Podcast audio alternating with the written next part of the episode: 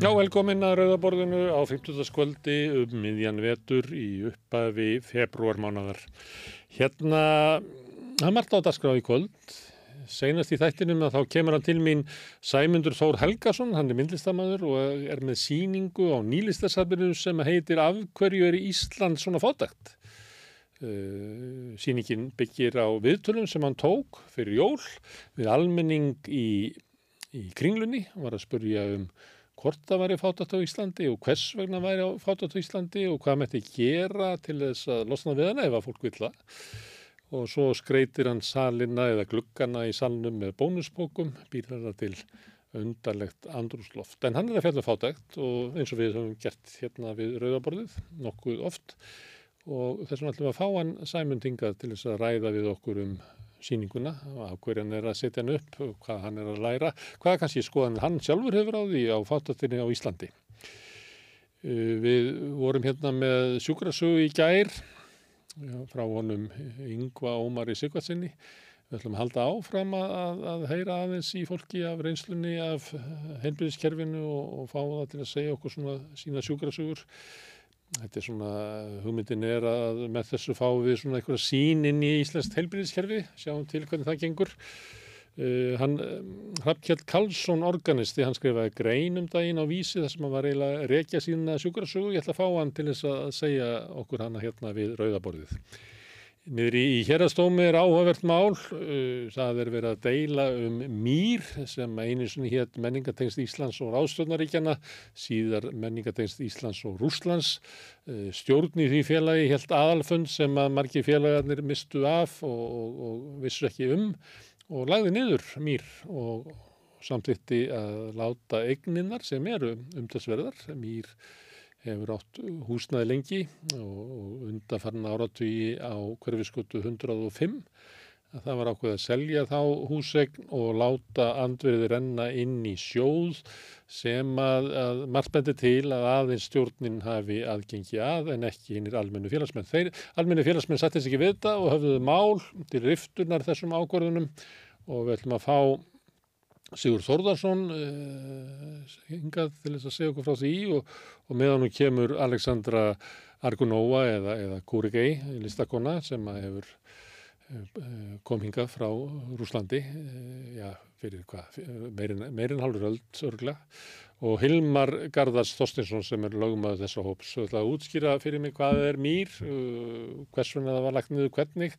og hvernig þau ætla að fá því nekt Við höldum áfram að njóta þess að það er biskupskjör framundan og þá er fólk sem er réttur upp hönd og býst til þess að verða biskup og við fáum það fólk hingað að rauðaborðinu og ræðum við um, um samfélagið, um stöðuna á okkur, um, um einstaklingunum í samfélaginu, erendi krist, kristni og kirkju við okkur og hvert að ég vera hlutverk biskups. Í kvöldi komum við að Elinborgu Sturldóttur sem er domkirkjuprestur. Við ætlum að ræða við hana um samfélagið, andlegt ástand okkar og margt fleira hér á eftir. En áður en að við vindum okkur í vitur kvöldsins að þá ætla ég að minna á enn og aftur að samstöðin er samstagsverkefni okkar sem erum að búa til þætti hérna, bæði hérna megin og hinnum megin myndafélana, gestana sem hinga að koma og ykkar sem eruð að hlusta og, og, og horfa þið getið hérna, þið er þið sem er fullkomnið uh, fjölmiðlunina og ef þið viljið verða virkir þáttaköndu þá getið þið bent vinum og vandamunum á efni sem ykkur líkar, uh, látið vita af því uh, sagt fólki frá að það maður finna efni okkar á Facebook og YouTube og allum hlaðvarsveifnum. Við erum líka í útvarpinu á 89,1 á stór höfuborgarsvæðinu, eiginlega alveg frá Snæfellsnesi langt upp í er litlu kaffastöfun út á Reykjanes þá.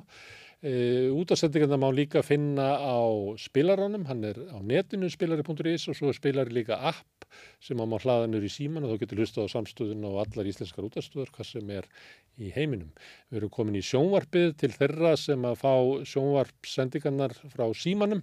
Þar eru við nummer 5 á fjastýringunni. Þið getur hort á samfélagsumræðinu og samstöðunni 24 tíma á sólaringi alla daga vikunar, allan á sér sring. Við framluðum yfir fjóra tíma af nýju efni á hverju meinasta sólaring og svo endur sínum við það efni og eldra efni þannig að það er mjög ólíklegt að þessu að lenda í því að horfa oftar á, oft á sama efnið. Vonandi munu önnu fjarskiptafyrirtæki sjá sér fært að dreifa efni samstöðurinnar til sinna viðskiptafinna í framtíðinni. Þeir sem að vilja hjálpa okkur við að byggja upp samstöðuna geti gæst áskrifundur og þá farið inn á samstöðum.is. Það er nappur sem ástendur áskrift og geti getið skráð ykkur fyrir 2500 krónu áskrift sem að mér er sagt að sé ekki há áskrift með við hvað aðrir rukka. En því sem að viljið geta borga meira og því sem að kjósið geti látið áskriftin að reyna sem félagsskjöldin í alltíðfélagi og það er alltíðfélagi sem á og rekur samstöðuna. Og allt sem við sjáuð og heyrið hér er í bóði áskrifanda. Þetta væri ekki fært nema áskrifandin legðu þetta til, uh, hver sinn skerf og saman verður þetta, gerur okkur mögulegt að halda út í samstöðinu ef við tökum áskrifundum kærlega fyrir það. Næstu skref okkar, það sem okkur langar til þess að gera næst, er að, að hefja hér svona útsendingu á frétta yfirliti fremst í rauðaborðinu að búa til einhvers konar vísi af sjónvarsfjöldum ekki veitir af, það eru ekki svo sérlega öflugar á Íslandi.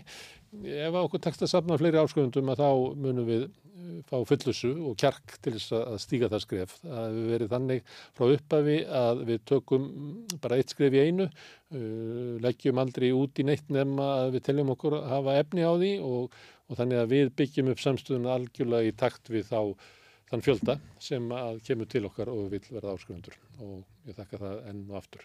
En framöndan er við töl kvöldsins. Með því að ganga í leyendasamtökin stiður þú bara áttu leyenda. Leyendasamtökin eru fyrir öll þau sem vilja vinna að réttlæti og öryggi á húsnæðismarkaði. Leyendasamtökin.is Erfileikar heimila verkafólks hafa hrífvestnað frá árunni 2021. Seks af hverjum tíu félögum í eblingu eiga nú erfitt með að ná endum saman. Hvernig getur við réttlætt það? Ebling stettarfélag. Baróta fyrir betra lífi. Félagar og forvitnir eru velkomnir í Sósilista kaffið alla lögadaga í bólótti 6 kl. 11.30. Tökum pásu frá kapitalíska hversteginum og njótum góðra stunda með félögum okkar. Ert á leið heim úr vinnu? Stiltu á FM 89.1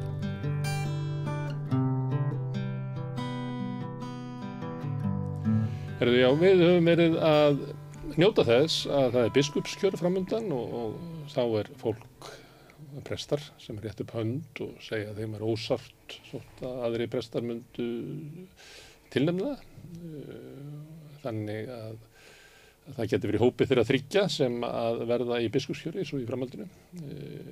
Okkur finnst þetta skemmtileg tíð hérna við rauðaborði, þá fáum við fólk sem hefur rétt upp hönd til þess að koma hingað og ræða um samfélagið okkar, eh, krist og kristni og kirkjuna og erindi alls þessa inn í samfélagið.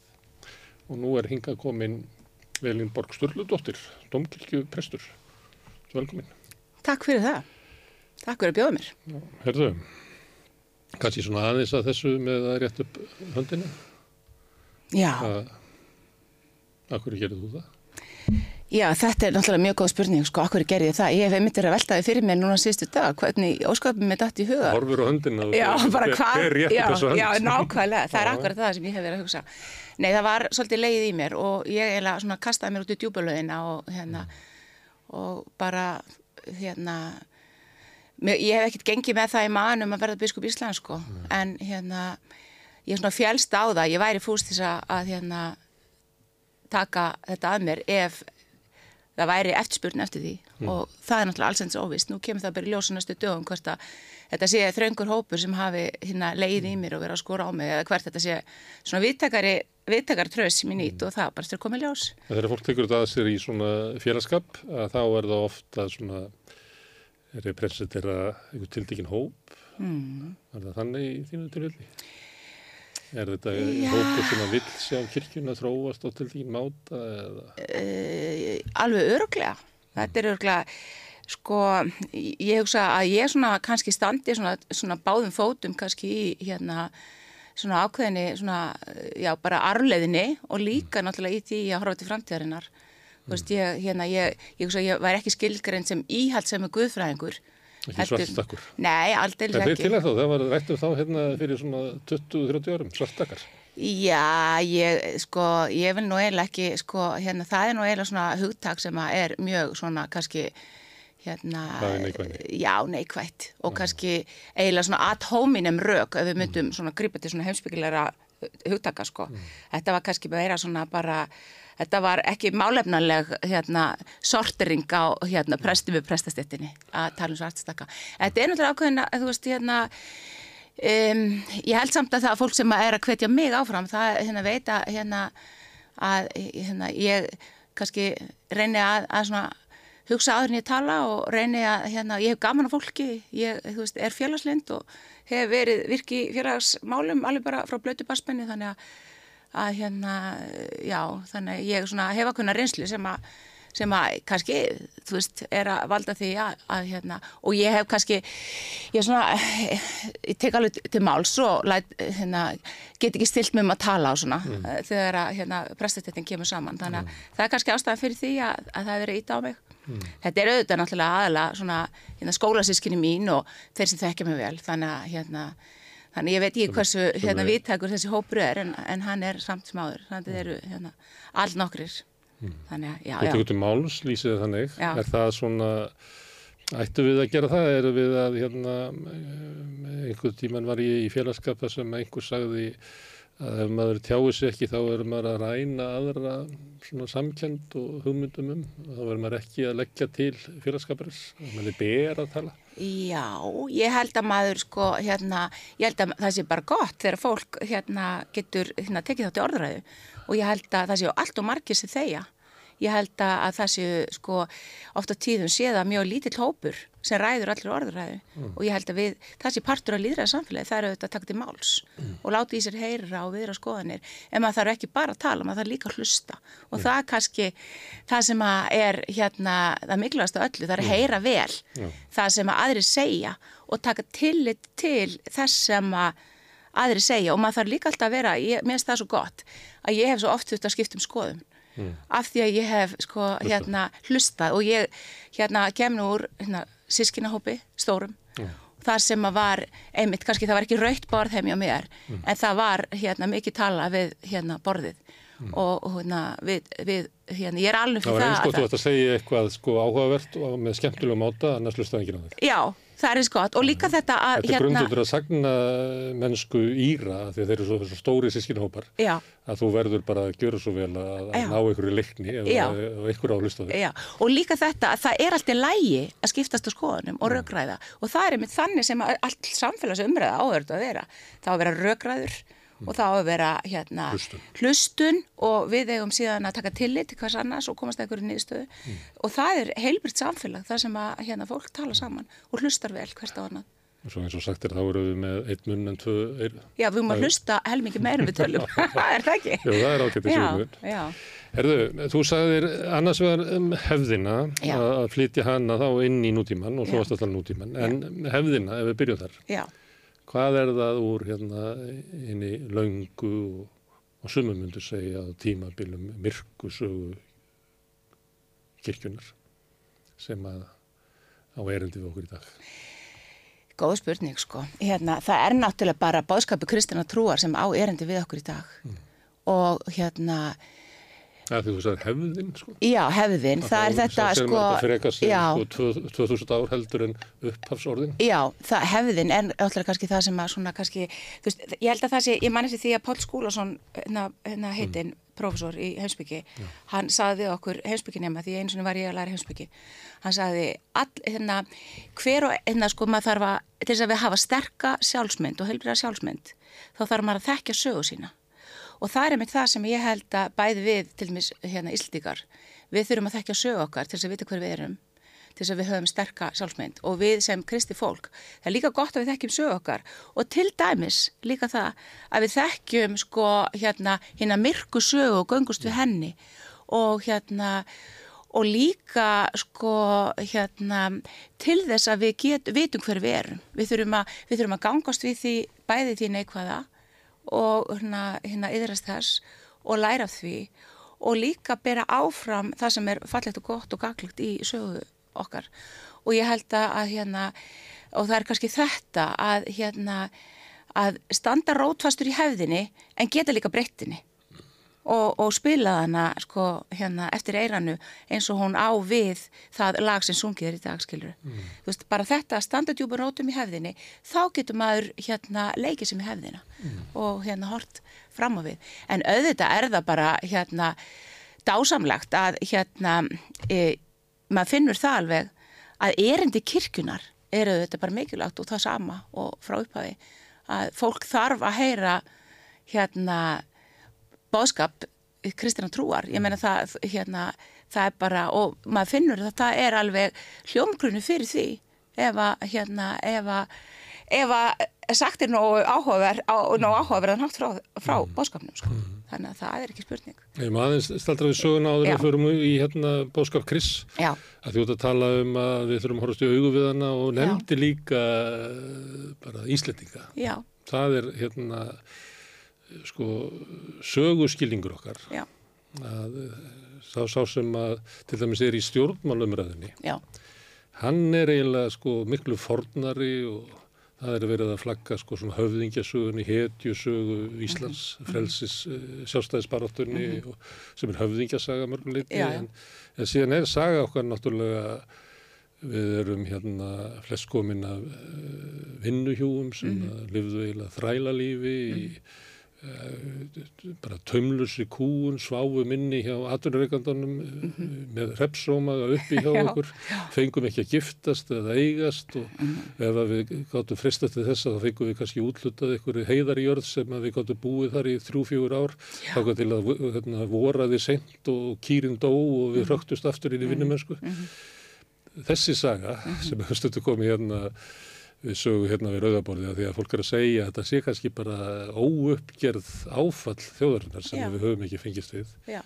Ertu að tala um það að við ættum kannski að fara að horfast í augu við sögum hvað svona Ég, það sé frelsandi horfast í augu við hérna sáru svo. Já, ég held til dæmis að, að það hefði verið kannski sko nöðsynleg hérna í sjálfstæðisbartinni mm.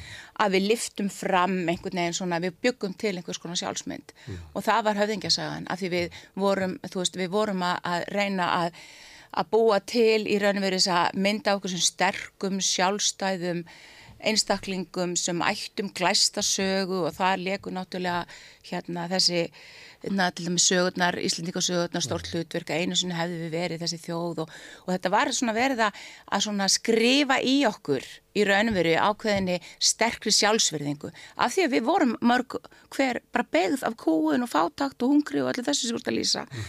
og ég held að það sé alveg rétt jáður, ég held að við þurfum að horfa stjóðu þessa sögu. Mm. og hvernig hérna, hvernig náttúrulega þú veist hérna áf, sko, áfalla saga þjóðar eru þetta alveg gríðarlega mótandi og það er náttúrulega bara að tala um það í, í öllum áfallafræðum að, og meira segja stendur hérna á einu stað í Gálandtestamentinu að, að syndir feðrana sko erfist í annan og þriða og fjóruða lið sko mm. og það er þetta að það er ótrúlega áhugavert að hugsa til þess ef við bara hvert og eitt horfum til hérna áfallasögu okkar fjölskyldu þá er alveg hérna magnað hvað í raun og veru kannski áfalla saga ömmu okkur afa eða langum og langafa hefur haft mikil áhrif á okkur sjálf. Mm.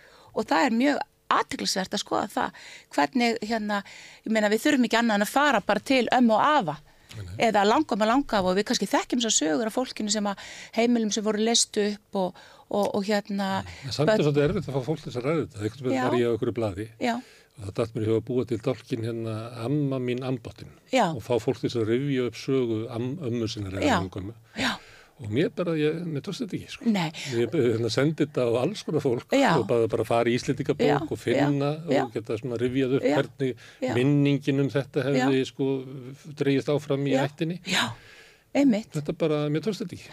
En það, það finnst mér alveg merkilegt vegna þess að kannski er tengt því einhvers konar skömm Já. eða sorg eða líka ég held til dæmis að hérna, það er eiginlega alveg nýtt að nálinni að hérna, fólk sé svona kannski að ræða um sorgir sínar og áföll og, og gangast við því og, og, og það var bara, ég meina, nú er ég hérna ekki, ég er 55 ára gömul og ég maður bara eftir hvernig það var þegar ég var að, að alast upp í Stikisólmi mm. á hérna 8. og 9. ártöknum að, að hérna að til dæmis það voru rosalega mörg tabu það voru tabu til dæmis ef einhver hafði í fjölskyldinu hafði svift sér lífi ef, að, ef að einhver var að glíma við hérna gæðrann vanda og alls konar svona. Og þetta geti, þessi áfallasaga að kynsla og gæti líka verið við hluta þessu tabúum sem að við höfum ekki gengist við. Og ég held að sé Það hafði satt eftir inn svona bók og Já. bók um hvernig fjölskyldur voru leistar upp út. Algjörlega. Og þetta er mjög aðteglisvert og það er mjög magna og ég held að til til dæmis þessar sögur sem þú ert að vísi í, ég held að við getum öll speikla okkur í þessum sögum. Vegna þess að við getum hérna sko bara hérna speikla sögu okkar einn fjölskyldu í þessari lífsbaróttu sem byrtist í þessum sögum. Ég bara segi fyrir mig til dæmis eins og ég held nú mikið upp á Jón Kalman Stefansson, rittvönd, mér finnst hann alveg stórkoslegu rittvöndur og ég býði eftir því að hann fóði Nobelsölunin en sko og ég man eftir þegar bækurnar hans sem að gerist hérna fyrir vestan, himnaríkja halvvita allar þær sko voru koma út. Ég beigði eftir hverju bók og drakka þar í mig vegna þess að langafi minn sem ég man eftir frá því að ég var barn. Hann var landpústur og lendi rakningum og þú veist og bara þessi saga hún var bara einhvern veginn ljósi á þessa gríðalegu lífsbaróttu sem íslensk þjóð hefur háð í hérna meirið þúst ár. Og, og við erum auðvitað bara meir og minna upp til hópa alþýðu fólk sem er komið á bændum og, og fát okkur fólki og hérna og hérna. Og erum með þetta einprintað í sálir okkar ef tristam á biblíunni. Og svo er náttúrulega til rannsóknir sem að halda því fram að, að svona áföll erfist eh, bara genetist. Já, það er sagt að gena minni sér svo stert.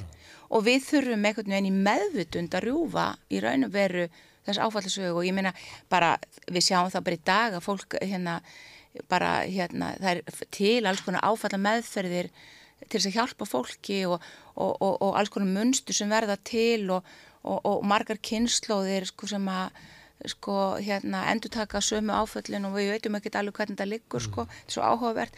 En fólk þarf að vera í alveg óbásleiri meðvutund til þess að brjótast út úr þessu til þess að einhvern veginn að, að sko læra að lifa upp og nýtt einhvern veginn. Og, og hérna Og líka sjá heiminn, já, með upp á nýjum nýtt. augum sko þetta er ekki eins og maður er að þú þetta af, Nei, maður er nei. líka átt að sjá því að svona er heimurinn og svona, já, þá komum kannski að hérna upphafs, hérna upphafinu sem er Kristur, Já. sjónarhótt hans Já. og staða hans. já, Staða hans er með að hlinna fátöku og sjónarhótt hans og heiminn er það. enda var náttúrulega svo gríðalega mikil miskipting í hans samtíma. Það er að forlefa uppgröftu rennu stóðum í það, þá var við gríðalegu mi- en að svona munur á milli milli þeirra sem lifið í, í aðalsins sem lifið í höllinni og síðan alþjóðu manna sem var bara meira og meira skattmynd fólk. Þannig að, að hann er náttúrulega talin í þessar aðstæður. Það sem að er auðvitað misskipting auðs alveg eins og er í dag sko. Og, hérna, og hann er auðvitað, allir hans bóðskapur er auðvitað það að reysa við fólk ég meina, þú sér bara þessu rauður stráður í gegnum alla kraftaverk og sögurnar í guðspillunum það er þetta að hann vill að fólk lifi með reist og hann er í raun og veru að hjálpa fólki að rýsa upp og blómstra eins og Guð allast til, eða vill að fólk blómstri. Það er það er bóðskapurinn að hver og ein manneskja hérna hafi hæfileika og, e- og, og, og geti lifa með reist og það eru þetta, maður getur alveg sé þetta sem svona hérna eh, svona bóðskap krist sko, að hérna að gefa fólki tækifæri og, og einhvern veginn að ebla það til þess að lifa með reist og, og, og það er það sem auðvitað allt fólk þarnast að lifa með reist og svo bara spurning Það hvað kom þarf hérna þess í vikunni sér að Sigurvinn í, í fríkirkjunni Já. sem er nú ekki í ykkar kirkju. Nei, en hann var nú ekki. aldeilis hérna, þjónaði nú sem lengi sem hérna já. prestur í þjóðkirkjunni Já, hann var að tala um sko að er þetta kirkjuna verið pólitíst. Já, það er. Já. Það er svona allir að spyrja það því Já. að, að það að lifa með reysn og að reysa við inn að fátæku, það gæti verið svona hljómað eins og svona sjálfstyrking inn að fátæku. Já, En að með því að segja þessi pólitíst að þá Já. er eins og þú viljir sko riðla kerfinu, annars Já. er að reysa upp inn fátæka eða hrinda borðinu. já Hvar er Kristur? Hrindi borðinu ég meina við ekki það alveg en sko að því að, að hérna, það er nú mikið talað um það og stundum er verið að segja við okkur prestana sko, sérstaklega ef við verðum of hérna, ef við kveðum á sterta orði og, og hérna verðum of kannski hérna pólitísk og þegar ég segi pólitísk þá er ég að tala um, ég er ekki að tala um það að við erum að vera flokkspólitísk, langt í frá. Ég hérna, við skulum hafa, halda því til haga að hérna kærleikur Krists og kærleikur kristina trúar helst alltaf í hendur við réttlæti réttlæti er forsenda kærleikans og það er engin hending að það gengur svo rauðið þráður í gegnum sko rétningarnar og gamla testamentið það er alveg sko það er alltaf talað um þetta með það að hérna að okkur ber mm. að tala máli munaðleisingjans mm. fátæku ekkunar mm. og útletningsins og þetta er sko og það er gegnum gangandi þráður uh, krafa um réttlæti þannig að sko réttlætið helst í hendur við kærleikan mm. það er bara þannig og það eru auðvitað hérna kirkjan á auðvitað að kalla eftir réttlæti í samfélaginu mm. Og réttlæti er hvaða? Því að stundu finnst manni eins og hérna að það orð hafi ekki verið svona hátt uppi og þetta eru alls svona það. Já, já. En það er samt svona að talað um jöfnuð og það talað um réttlæti er svolítið meira það sko. Já, já. Það meira heldur en sko efnarslegt réttlæti, lagalegt réttlæti, það er líka eitthvað svona að, að, að, er það ekki réttlæti að allir séu jöfnir? Jú, það er virðingar. Jú, mann, já, já, já, algjörlega, það er réttlæti. Það er, hérna, réttlæti er að allir sitti við saman borð. Mm. Það gefur auðvitað leið. Að hver og ein manneska segja, við, bara segir í, í Genesis, að hver manneska er sköpið mynd Guðs og, og, og, og fyrir vikið á hún að njóta réttlætis mm. og virðingar. Og þetta er náttúrulega hérna, hérna líka hinn fátæku skiluru, þetta er, mm. þetta er það enna, enna efnamenninir er ekki að njóta meira réttlætis heldur hinn fátæku, þannig að að krafa kristindómsins eru þetta að krafa um mannverðingu en ekki bara mannverðingu núna til dæmis á okkar dögum þegar til dæmis umhverfismálin er í deglunni þá eru við náttúrulega að tala um réttlæti fyrir jörðina mm. að hérna og, og Frans Pái hefur náttúrulega bent á það að, að hérna mjög eftir þetta verðu hérna hýrðisbrefi sínu uh, hérna láta þetta hérna hérna degi, nei hvernig var það, láta þetta síja, ég man ekki hvað heitir. Ég er ekki nógu góð í latinu sko. Við lærum ekki lengur latinu í guðfræðdeldinni mm. en hérna, það er bara stóli úr mér hvað það heitir, en hérna það er þetta með sko að að sko, við veitum náttúrulega að Kristi saði sko, elskarkalti drottin Guð og náungaðin eins og sjálfa þig. Mm. og hérna og, og Frans Pái hefur bent á þetta sko, skemmtilega sjónarhorn. Að náungi okkar eru allir þeir sem þurfa á aðstof okkar að halda og við getum náttúrulega litið á lífrikið eins og náðunga okkar og, mm. og lífrikið sjálft er sá náðungi okkar sem þarnast mestrar stöðnings okkar mannana núna mm. á þessum dögum. Mm. Þannig að sko hérna við þurfum líka réttlæti fyrir lífrikið jarðar mm. og, og hérna það reynir á okkur mennina. Mm. Hvernig við ætlum að bregast til því sko. Mm. Það sem ég hafði í huga þegar ég var að tala um réttlæti var Já. til dæmis eins og e, er svona töðari sko. Já, mjög gott og til dæmis eins og það að svona í kastljósi og svona hvernig rúf er að fjallum að þá er hérna alltaf verið að tala um fólk sem er vita fátakt en aldrei viðina fátaku Já, já, endur já, við að tala já. um einhver húsnæðismál og svona, það er aldrei að tala við leiðanda Nei, nákvæmlega, ég skil hvort að fara. hérna, það, sko, það bara, Tala um fólk en ekki um við það. og það bara er ekki hlutið þessu, við náttúrulega erum náttúrulega núna með innflutningi alls þessar fólk sem er að koma og vinna lálunavinnu sem hefur ekki kostningarétt, hefur ekki aðgengin í, í samfélagi út af tungumálinu sem við hérna, aðstóðum ekki við að læra. að það er orðið að verða meiri svona skil sem er ekki bara efnaðsleg, heldur eiginlega svona menningarleg. Það eru bara fólk sem er eiginlega ómark. Já. Ég, mér finnst þetta að vera meira Já. núna heldur en þegar ég var Já. ungur aðalast upp. Já, ég hugsa sér alveg til þér. Og ég held að það er til dæmis mikið áhugju efni mm. hver, hérna, hvað eru til dæmis mörgböld sem alast upp fyrir fátakt mm. og það er mikið áhugju efni að, að hérna að hérna að sko hinn fátæku þau verða ósynileg mm. og þau eiga sér ekki rödd en til dæmis á kirkjan að vera náttúrulega rött þeirra sem að höllum fætti mm. standa og eiga að vera málsvarar hinna sem hafa ekki rött mm. það er bara bylni skild okkar mm. og það er náttúrulega talað um það að það er málsvarnar hlutverk sem við, sem við höfum að gegna og sem betur fer þá höfum við alveg hérna kirkjan náttúrulega hérna á okkar snærum starfa náttúrulega hjálpastar kirkjunar mm. sem hefur náttúrulega verið sterk rött að benda á hvað það, hversu brínt það er að hérna styrkja fólk til hjálp, sjálfsjálfar og að styðja við þau því að, hérna, það eru auðvitað þannig að fólk bara lendir í gildur og fátáttar og það getur orðið kynnslóðir sem að hérna, hérna, eh, sko bara eh, festast þar vegna þess að það er ekki möguleikar til þess að, að brjótast út úr fátaktinni bæði hér innanlands og svona þegar við horfum út í heim. Þannig að, að það er ekki að undra þótt að, að hérna, hinn fátæku sem hafa náttúrulega takmarkaðir í tækifæri að þeim svíði. Og það er náttúrulega líka ofta tíðum sem að, að fylgir mikil skömm fátakt. En þetta er, þetta er rétt held ég að sko það hefur náttúrulega hérna misskiptingin er til miður hérna mikil og hérna og við vitum eins og prósendutölur um þá ofuríku og hina sem að eru hérna þurfa að lifa við sult og seiru. En það er náttúrulega bara ekkert svo langt síðan að í raunveru megin þorri allar Íslendinga í raunveru var fátakur. Við þurfum ekki að fara nema kannski 70 ár sko aftur í tíman þegar að sko almenningur allur í raun og veru var jafn blankur eða fátækur sko eða allslaus sko.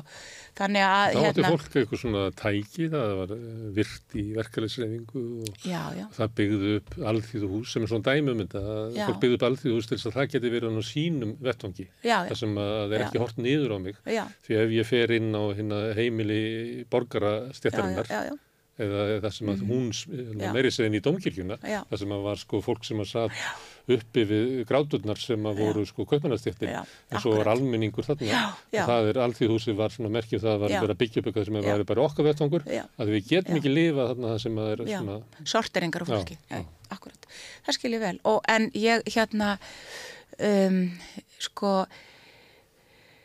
ég veit ekki alveg hvert við erum að fara með þessu umræðu sko, en þú veist, ég er alveg sammála því sko, það, við þurfum að vera mjög vakandi yfir því að hérna sé að þetta fólk í samfélaginu sem er að vinna störfin sé séð og það sé heyrt og það sé á það hlustað og því sé kýfur rödd. Og það er bara mikilvægt og það er bara partur af líðræðsleira orðuræði að hérna að, að við tölum ekki um þetta fólk heldur við tölum við þetta fólk og við lefum þessu fólki líka að tala. Þannig að við heyrum og hlustum á það. Og hvar skórin kreppi hjá því það er bara, minnst það við erum að tala um stöðu Chris meðarinn að fóta okkur Já, það, það já, og Kristur stóð náttúrulega hérna, hérna, hann talaði inni hérna, hérna, ég meina, horfðu, lestu fjallræðina. mm. Það er náttúrulega bara hérna líka, hérna, það er náttúrulega verið að byrta hérna, það, það sem við stefnum að.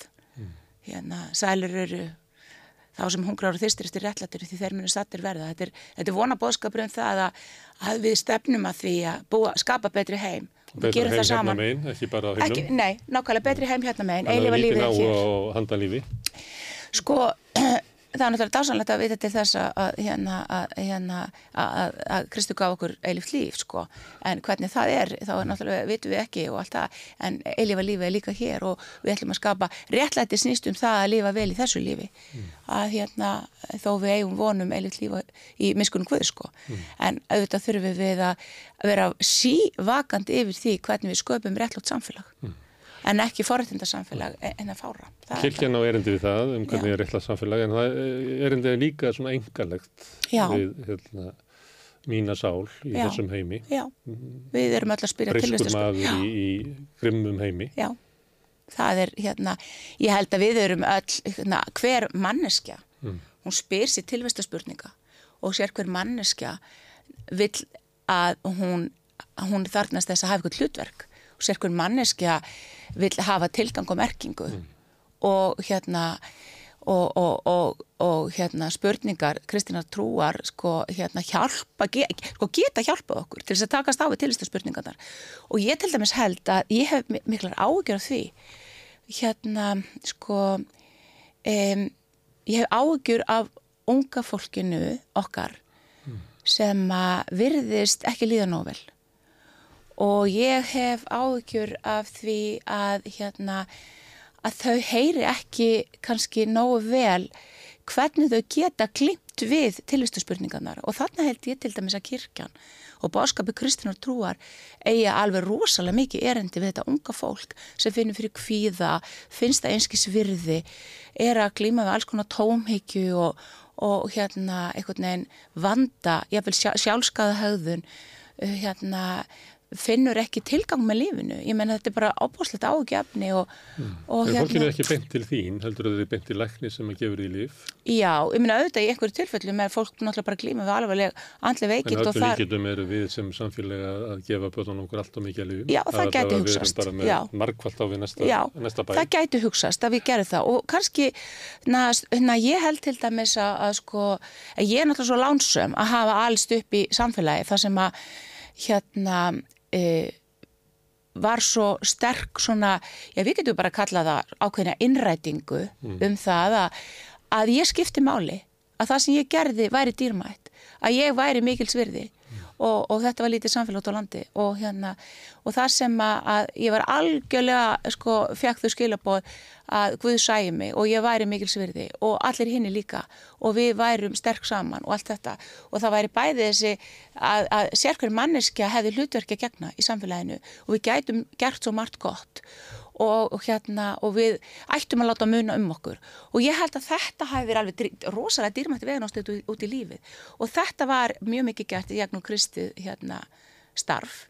Og ég vildi óska þess að, að, hérna að unga fólki okkar myndi ríkari mæli heyra skilabóðum það að þau séu mikils virði og að þau geti látið muna um sig og þau hafi erindi í samfélaginu og að, hérna, að, að, að hérna, lífið þeirra hafi tilgang og merkingu. En, en hérna, ég hef ágjur af því að það sé sko, að þau líka fái svo, hérna, við getum eiginlega sagt að þessi náttúrulega stafræna bylting, hún er að mörguleiti alveg opuslega góð. En það er líka, hérna, að því ég er nú að þeirra kynslu sem var á hallarinsplaninu og það var nú allt, það var nú margt misgott þar. Og ég er ekki að halda því fram að, að, að, að hérna, tímanni séu bara vondir eða allt séu hérna fallanda fæti, þetta hefði allt verið betri gálum það er bara alls ekki þannig, bara langt í frá. Það var margt alveg hræðilegt og margt sem Þú að veit ekki taka upp að fólk fór að fara að reiki í bílnum við bötunum. Nei, ekki, ég vil ekki taka þátt í því eða, eða e, skilur Nei, það, það, það má benda á eitthvað sem Já. að hefur vestnað á þess að En því sko, nei, nei, ég er ekki að segja endur sko, það, það sem ég held að sé ágefni og ég held að eftir að að ég held að, að til dæmis að áhrifavaldarnir á unga fólkið okkar séu að mörguleiti ekki uppbyggilegir og gaglegir og ég held að hallarsplanið sem mín kynslu hjekk á og reykti og drakk og, og hérna og, og, og, var, var sko, ímislegt það sem ekki var ef henni góða. Þetta hallarsplan er í raun og veru á samfélagsmiðlunum í dag. Skilur hvað er að fara? Og ég held að, að, að, það, hérna, að það sé allt og mikið þar af hérna, áhrifum á okkar unga fólk sem að sé ekki hjálplegt og uppbyggilegt fyrir þau.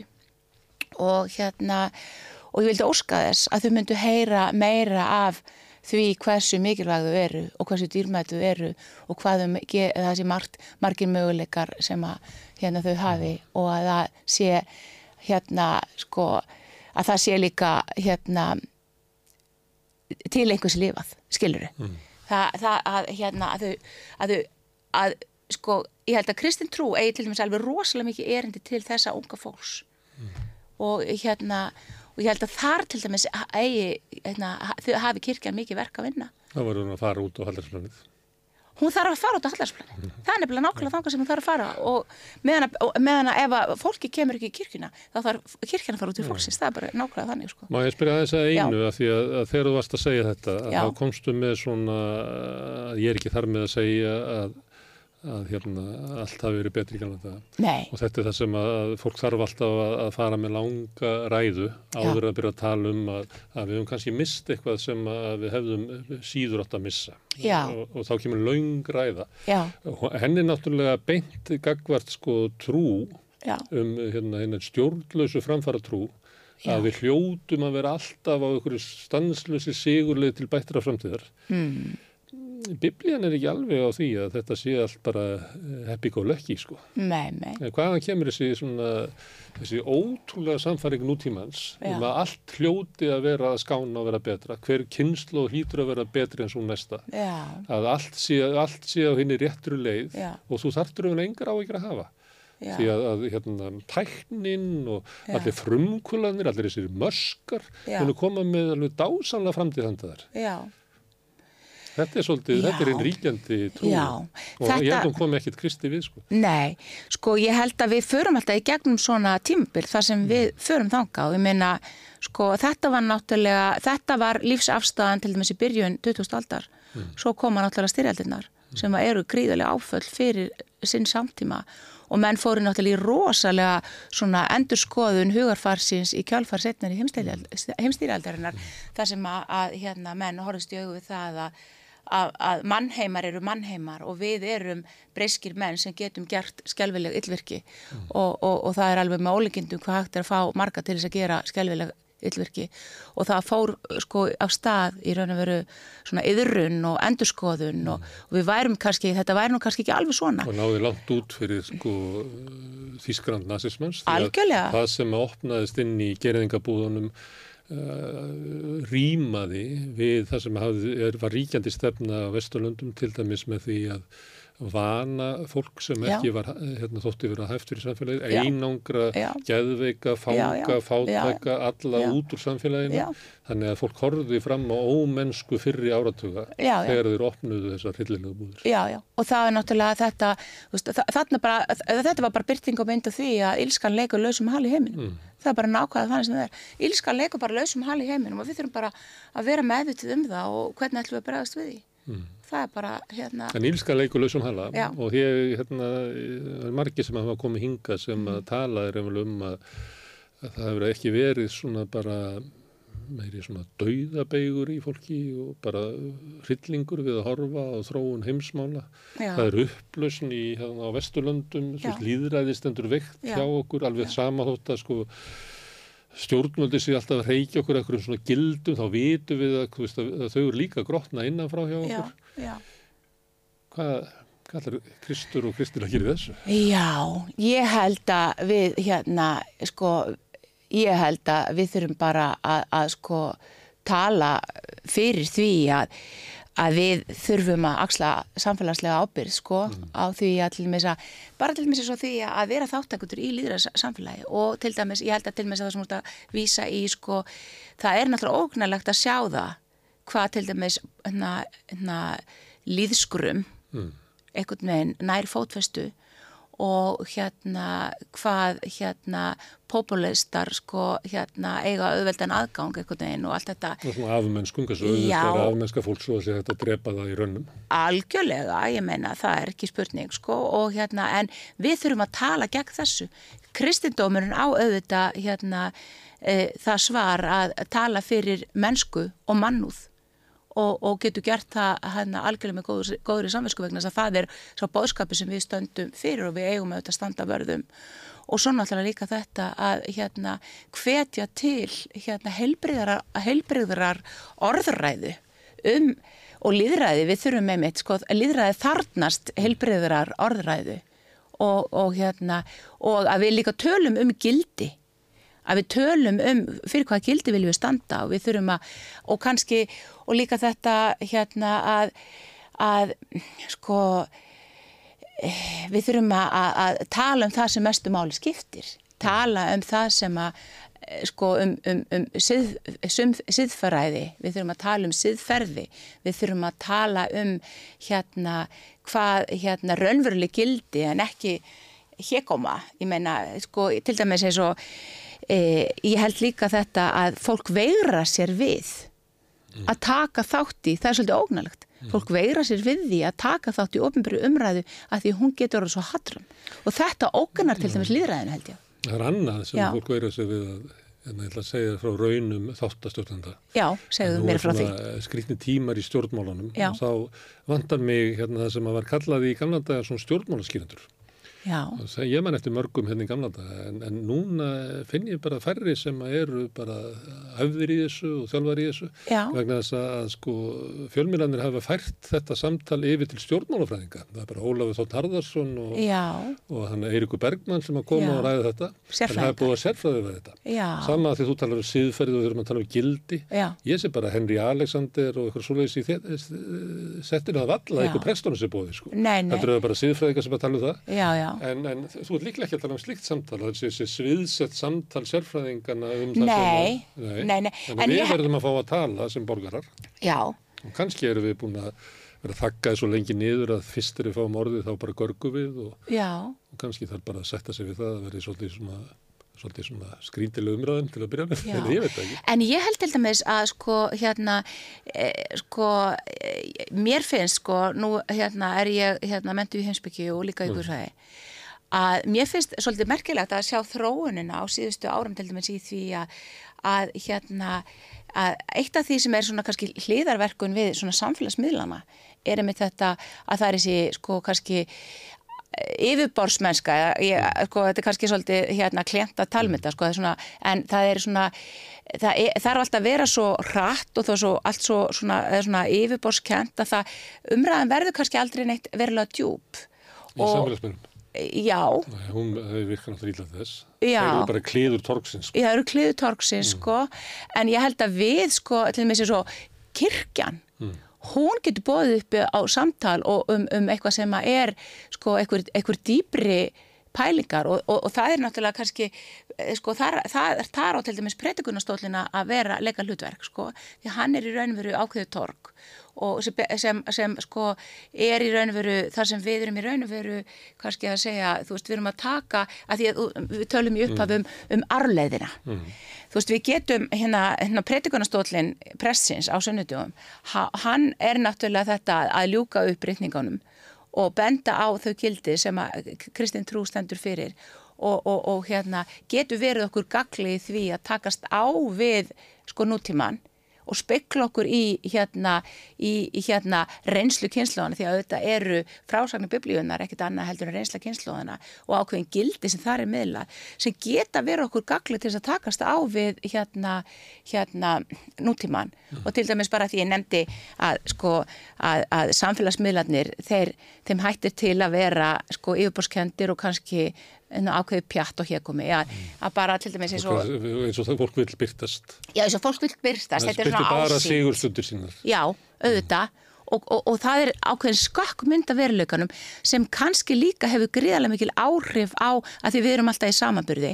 Okkur, það, það er rannsóknir sem renna stóðum undir það að, til dæmis að, að það ítir undir vanlíðan manna að, að hérna, sjá allar þessar sigur stundir annara á samfélagsmiðlunum, á Instagram En og nú Facebook og, já, já, flestir sjá í gegnum þetta. En til dæmis það er ekki víst að úlingarnir okkar sjá í gegnum þetta. Og það er kannski það sem er ágefni að þetta virðist að hafa gríðilega áhrif á þau og það er svona rannsóknum sem benda til þess. En bara til dæmis eins og þetta að það er svo margt gaglegt sem getur haldi manni einhvern veginn á réttum kýli svo maður farin úr einu í annað sko. bara síðasta sunnudag var leksía dagsins úr predikaranum.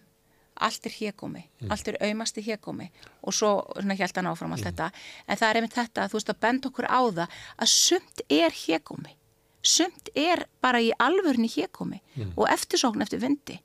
Og það er svo gott að En láta breytingar er fyrir svolítið langt í þess að það er næstu allt í honum sem er ég Já, en, en svo er nefnilega, sko, það er ekki nefnilega allt sem sýnist þegar maður les predikaran. Svo er nefnilega, sko, svona bendir hann á, sko, síðan er í raunveru niðurstaðan þessi, en það að gleðjast yfir gjöfum Guðs, að setjast að kvöldi, sko, og borða matinn sinn og, og, og, og, og, og, og njóta góða vinsinn sem bóndin er búin að, að sko yrkja og hérna, og, og hérna vera með þeim sem maður elskar. Sko þetta er í sjálfu sér sko tilefni til þess að gleðast yfir. Þannig í raunveru er hann að stefna fram svona ólíkri sín sko en er að benda okkur á það að við getum glaðst yfir svo mörgu en við eigum ekki að eldast við hérkoman sem er, þú veist, og þarna er sko, Sem að við sem samfélag erum meira og minna í. já, bara- við Þú erum getur bara kannski hort á auglýsingar og bara getur, bara kertu gödunar og það serðu það. já, það er bara ómar að, að, að sýsling. Já, já, og það er náttúrulega þessi efnisíkja en sko í reynum veru kannski er hérna það er sko, okkur, eða, sko við getum sagt okkur hafi verið talið trúum það að við eigum að sækjast eftir að við getum keift okkur haminguna og það er efnisíkjan sem dynur í eiranum á okkur. Á meðan til dæmis að, að biblían segir okkur sækjumst eftir raunverulegri visku. Sækjumst eftir raunverulegum verðmætum. Og svona þegar upp í staði þá held ég að það sé kannski það sem að færir okkur sko gleð og frið.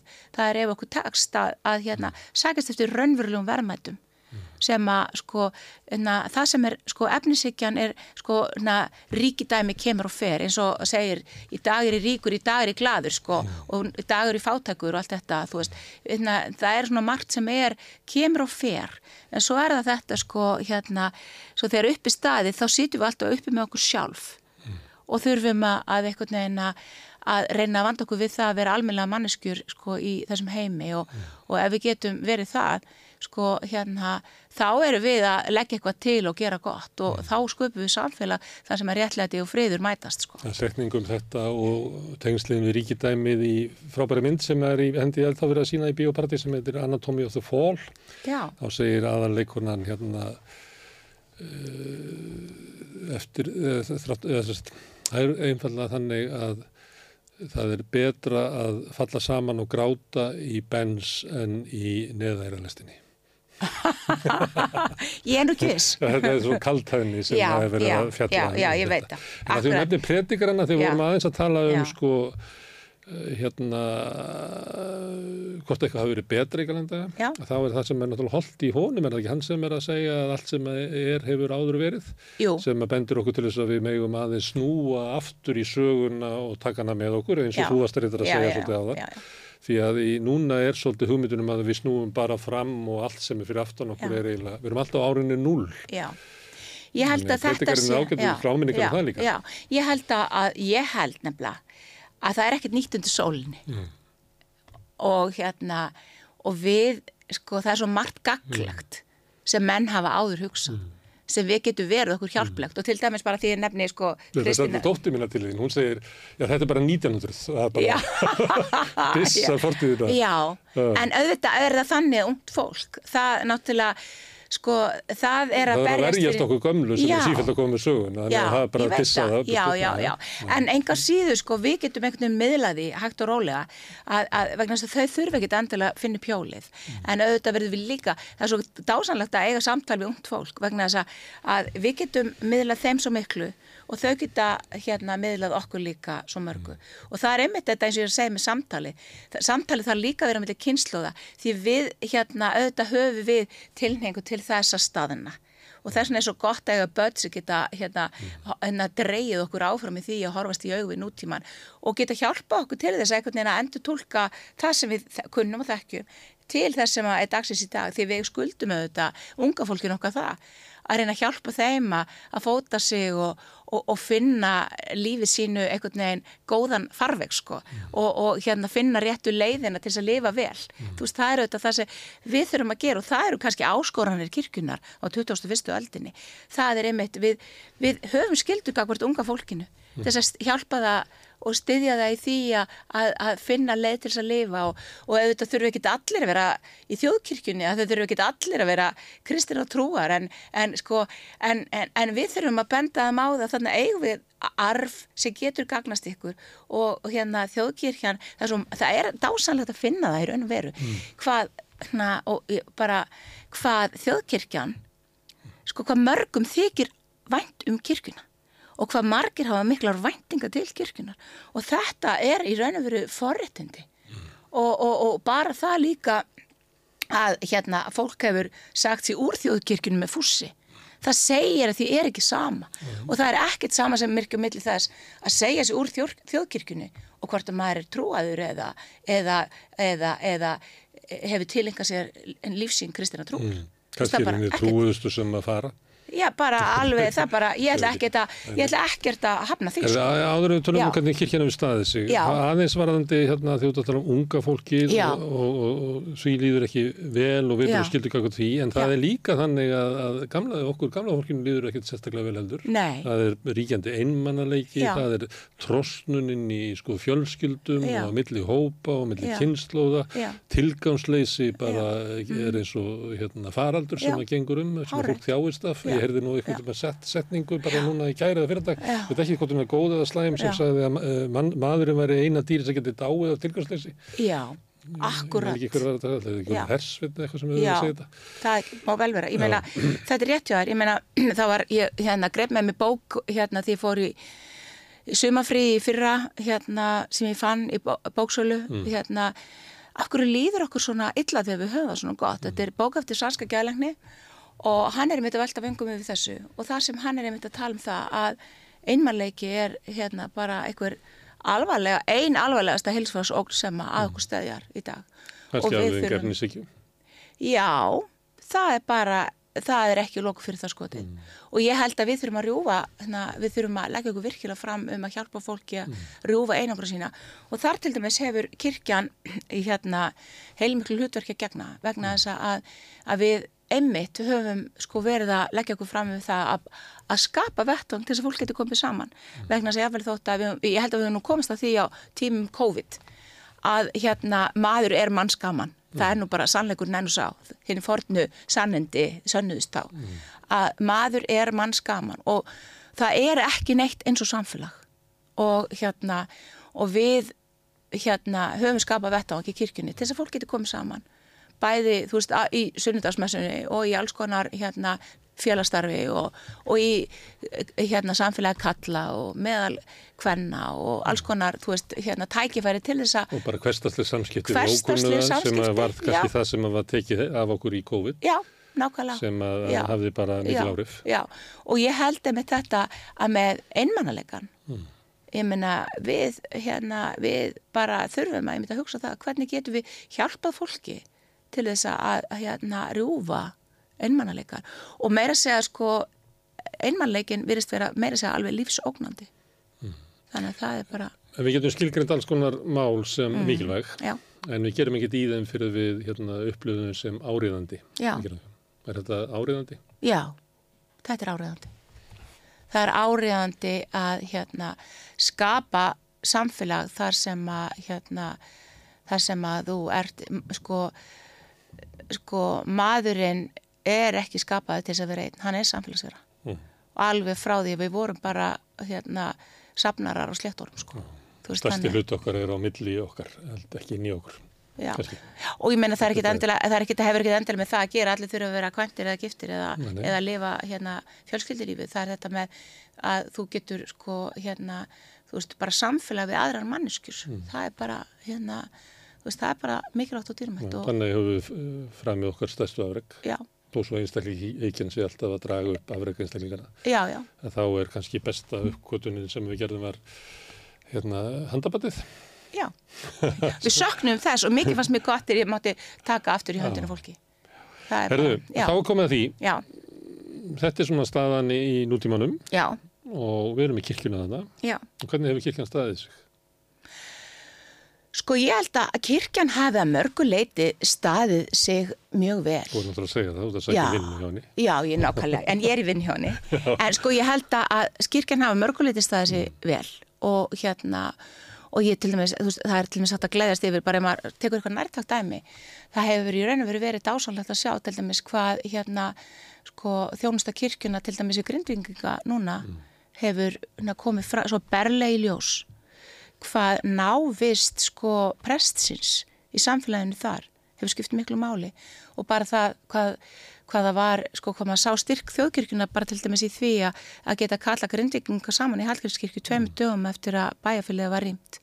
Og svo bárust líka fréttir af því að núna bara fyrir svona hálfum mánuði þrem vikum þá fóru prestar af hérna Suðunisjum, kollegin minn í Grindavík og nafna Eiliborg Gísladóttir og, og hérna og presturinn í Garði og hérna og, já, og líka, já, fleira fólk, starfsfólk hann að kirkjunar á Suðunisjum fórum með til mér með öll fermingabönni vatnaskó og voru þar í samfélagi krakka sem búið að trist tvistra vitt og breytt. Það var að koma þeim saman þarna þar sem þá, þau gáttu átt samfélag talað um það sem þessar ógnandi náttúrhamfæri sem að í raun og veru var að kipunda þeim einhvern veginn tilveru þeirra og, og ógna hérna tilverunni hvað þetta skiptir miklu máli og þetta einhvern veginn síndi það svo vel hvað sko bara þetta þjættirinn að netkirkjunar til og með þjóðkirkjunum all land skiptir miklu máli þegar að mikið líku við.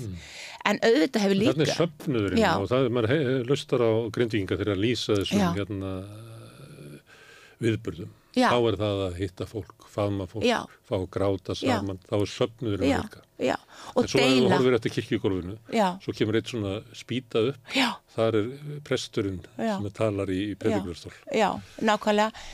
Ert að meina í þessum samhengi eða Nei, bara já, að því að bara þú varst almennt líka þetta varst að tala um predikunnastólinn Já, predikunnarstól, já. Kirkja sem vettfangu til þess að Já. koma saman að já, það er já. kannski ert að meina prest, presturinn sé ofa hátu pafin eða eitthvað þannig Þetta er ekki eins og í, í til dæmis í norsku kirkju þar sem Já. leikmærakirkjan hafði árið þar sem Já. presturinn situr bara meðal hinna Já. og talar af, af jafnsléttu. Já, það er reyndar alveg bara svona, svo ég segi þér það, það er svona að sko, sko predikunastólinn er raunveru er bara svolítið praktiskur ef maður fer bara svona í söguna, hann er að lifta prestinum upp ekki til þess að tala yfir söfnun, heldur til þess að heyri betur í honum, vegna þess að voru ekki í mikrofónar. Það er, veist, það er þetta praktisk, já. það er náið lengra. En sko, ég er alveg samanlegaður því að sko, hérna, í sífælt ríkari mæli þá er presturinn að fara úr predikunastólunum niður á gólfið. En hittir hann að mála, presturinn er í raunverð tekið frá í ákveðun hlutverk til þess að hérna, hérna, að svona upplýsa. Hann er ekki alltaf að tala frá eigin brjósti. Nei, hann á, honum beru þetta að bóða fagnaðar reynitið reynt og ómengað eins og segir í, í víkslu heitu okkar. Og það er í raunverð það að, hérna, að við erum að tólka reikningarnar og við eigum ekki, sko, það er ákveðin ægi sem er í þessu. Við erum ekki bara að segja hvað okkur finnst. Það er raunveru eða, eða hérna, það sem að hérna, heitar sprennir á okkur þá stundina. Okkur er lagt upp í hendurnar því það er partur af sko, þessum ákveðnum kirkju aga að við pretikum út frá ákveðnum textum á hverjum sundegi til þess að við séum ekki bara að segja það sem okkur listir skilur við því, að, hérna, því, því að við erum sko, ægum að vera trú fagnarerindinu og en hérna en enga síður þá held ég sko af því að kirkjan var auðvitað þeirri stöðu að vera hluti af valdakerfinu þá voru prestanir líka hluti að valda stjættinni. Embættismannakirkja. Já, embættismannakirkja sem að kannski fór ekki alltaf nógu vel með völd sín og það er náttúrulega partur af okkur sögur sko og hérna og Alltaf af að segja okkur hvað við höfum að gera og Já, með stóra munn en Já. engin eyru. kannski ekki og, en, en hitt er hennar mál að til dæmis ég upplýði það sem prestur út á landi þar sem ég svo sannlega stegi í stólinn yfir, yðurlega að hérna að það var gaman að þegar að svona ákveðu tröst var búið að myndast á milli sko mín og, og safnaðir meðlimann og þeirra sem komið til kirkju að þá átti samtalið sér stað sko í kirkjukaffinu og eftir En sér að Elinborg, sögðu þeir kannski, hérna það sem þú varst að segja áðan og svo þurftu þeir að láta mig, hérna, sko, sko fylgdu þeir eftir, sko, hérna því að láta mig raukstiðið betur þar sem ég var að halda fram, á eftir. Spurningar og spör og eftir. En svo má líka breyta þessu að stundum í ákveðnu samingi. Þá væri bara mjög gaglegt að til dæmis að, að, að breytingunin væri þannig að menn mætti spyrja og það væri svona einhvers konar samtalsbreytingu. Það er náttúrulega til dæmis eitt af því sem að hérna, en auðvitað ég skila alveg það sem þú að segja í sambandi það að, að Þegar kirkjan hérna, þarf að vera breytingin. Það Já. er ekki nóg að við erum að tala um svona uh, hérna, valdaleysi í samfélaginu og sundrungu og, og uh, það er ekki nóg að kirkjan segi hvernig þetta er að vera, hún þarf líka að vera breytingin, hún þarf að sína að hún getur. algjörlega. Og það er kannski það sem að, að, hérna, að hefur kannski verið svona tilvist að kreppa kirkjunar það er um þetta að þegar að þjóðin hefur hort til kirkjunar og ekki fundist hún vera sko samkvam sjálfur sér. Og, og, og það finnst mér líka bara vera heilbrið hérna krafa til kirkjunar að hún hérna í raun og veru hérna lifi það sem hún bóðar og, og það er kannski það sem að hérna, Hún var ekki framalega í kvennabortunni, nei. Hún barðist gegn réttindum sanginnur. e, ég get ekki tekið undir það. Það voru átök innan kirkjunar alveg á sama hátt og var voru átök í samfélaginu. Og ég get alveg sagt því það að þegar ég var að byrja í Guðfræðdeldinni og kom það beint í, hérna, heimsbyggi, úr heimsbyggi og þar voru, var sko eldheitar umræður á kapituloftunni þar sem var okkar kaffestofa um einmitt hjón og íslu samkynniðra og megin þorri stjættarinnar predikaði það og hérna, og hérna var stutti mm. baróttu samkynniðra og ég man eftir því að þegar ég í fyrsta skipti þá var ég prestur í grundafyrði og þegar ég flutti predikun um það hérna, ég held að vera 2004 um, um hérna um það að ég stytti hérna baróttu samkynniðra að hérna og mér finnst þú sjálfsögð og hérna og ég væri þeirra skona að þetta væri tímaspursmál og, og hérna þeir, að, að þeir ættu rétt á því að gangi hjónabandi kirkjunni og eins og bara gagkin högpör. Guð vildi blessa þetta. Já, ég meina að þetta væri bara, hérna, þetta væri bara, þeir væri skapaðir myndguðs og, og, og ef að, hérna, og ég var þeirra skoðunar að það, það er rikningatekstar í biblíinu sem að voru notaðar til þess að tala gegn hjónavísli samkynna, þeir væri bara ætti ekkert við í, hérna, í þessu samingi eins og við skiljum, skiljum samkynna í dag. Þá var ég með stingi maganum yfir því að ég væri að taka áhættu í mínu söfnuði. Og ég vissi ekkert út í hvað ég var að fara þegar ég byrjaði að breyta eitthvað svona. Og ég held að það voru prestar vítt og breytt um landið sem að stuttu þessa baráttu af mikill einlagni og, og, og pretikuðu svona í sínum söpnuðum þegar að þetta mál var í deglunni. Og ég held að þeir hafi gert kannski miklu meira gagn og breytt viðþorfum miklu kannski meira heldur en kannski menn hérna heldur en kannski er almennt viðkjönd. Og, og ég að vísa til það sem ég er að vísa til það sem voru kannski háararattir. Háararattir og fáar mm. og ákveðin kynnslóð mm. og, og hérna og ég held að í raun og veru þessi átök þau voru óhjákvæmulega að þetta voru nákvæmlega, þetta endur speiklaði nákvæmlega sömu orðræðu og var bara í sal, samfélaginu almennt mm. og þannig að kirkjan í raun og veru er náttúrulega bara eins og, eins og hérna endur speikla samfélagið alltaf á hverjum tíma og þetta voru bara, en sko... En þarf ekki kirkjan að geta verið svona aðeins skáransafélagið? Það væri auðvitað skilegt og, og ég held að sko, jú, en og hérna, sko, ég held... Ekki verður en samfélagið? Nei, en ég held, ég held ekki endilega við höfum verið verður en samfélagið, mm. en það sem gerðist þarna var til dæmis að, að hérna, samfélagið almennt var bara einhvern veginn komið á þann stað og það var tilbúið í þetta. Megin þóru pressastjættarinn var það líka en það var ákveðin, ákveðið viðnám sem að þurfti bara tíma og, og hérna sem betur fer þá hérna, leist þetta farsalega með einum hjúskapalögum og þetta þurfti bara tíma eins og allar baróttur þurfa tíma og allar mm. breytingar þurfa tíma og við erum alltaf, það er alltaf eitthvað sem þurfum að taka stáfið mm. og hérna en, en þetta var erfitt fyrir kirkuna. Mm. Þetta, var, þetta var bara, en sem betur fyrir er algjör friður um þetta í dag mm. og, og, og en það eru aðrar áskoranir, ég minna nú erum við, erum við til dæmis það sem er kannski er deglun núna sem að við vorum ekkert að pæli bara fyrir, fyrir 15 árum til dæmis, það er um, um, um málefni transfólks og, og hérna og hérna og ímis ön, önnur málefni sem að hérna við þurfum að hérna standa vörðum hérna í raun og veru velliðan og, og, og hérna, hvað getur maður sagt, sko, um, sína fólki umhyggju sem er að, að hérna, glíma við í raun og veru hérna, alls konar fordómi í samfélaginu Já. og það er ekkit bara þeir heldur margir aðrir sem er að glíma við alls konar fordóma. Já og þetta með að hlutinni takir sinn tíma það má alveg mætti taka transfólk sem dæmum það það sem að Já. lagaleg réttindi hafa komið hraðar heldur náttúrulega til dæmis við um samkynnaðra og sumuleyti þá það er kannski óróin sem er um það mál, það er ekki svona fríður þegar lagalega lausninu komin eins og Nei. mætti kannski haldaði fram með barðu samkynnara að þá heldur hún áfram meðan transfólks Já. að þá er það náttúrulega sko hraðin á breytingunum, pólitísku breytingum Já. er miklu miklu meiri heldur en var áður Já. og ég minna samfélagi er bara segfljótandi hérna, ég veit ekki hvort það sé sulta eða, eða, eða dröðuböldur, en það er bara svolítið seglutandi.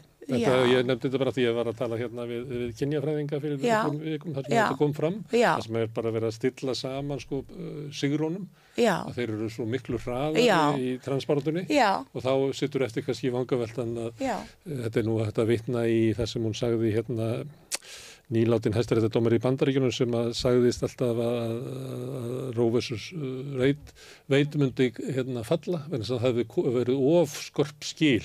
Já að, að þá, þá var þið anstaðan við að væri svo mikil á eftir á þannig að, þannig að þessi sigur væri alltaf í hættu að þeir hafi komið of snemma. Já. nú veit ég, nei, nei, ég er ég ekki nei, úr jafn íhjálpsumu samfélögu bandaríkin þannig ég kann ekki að með þetta en þetta er það sem er.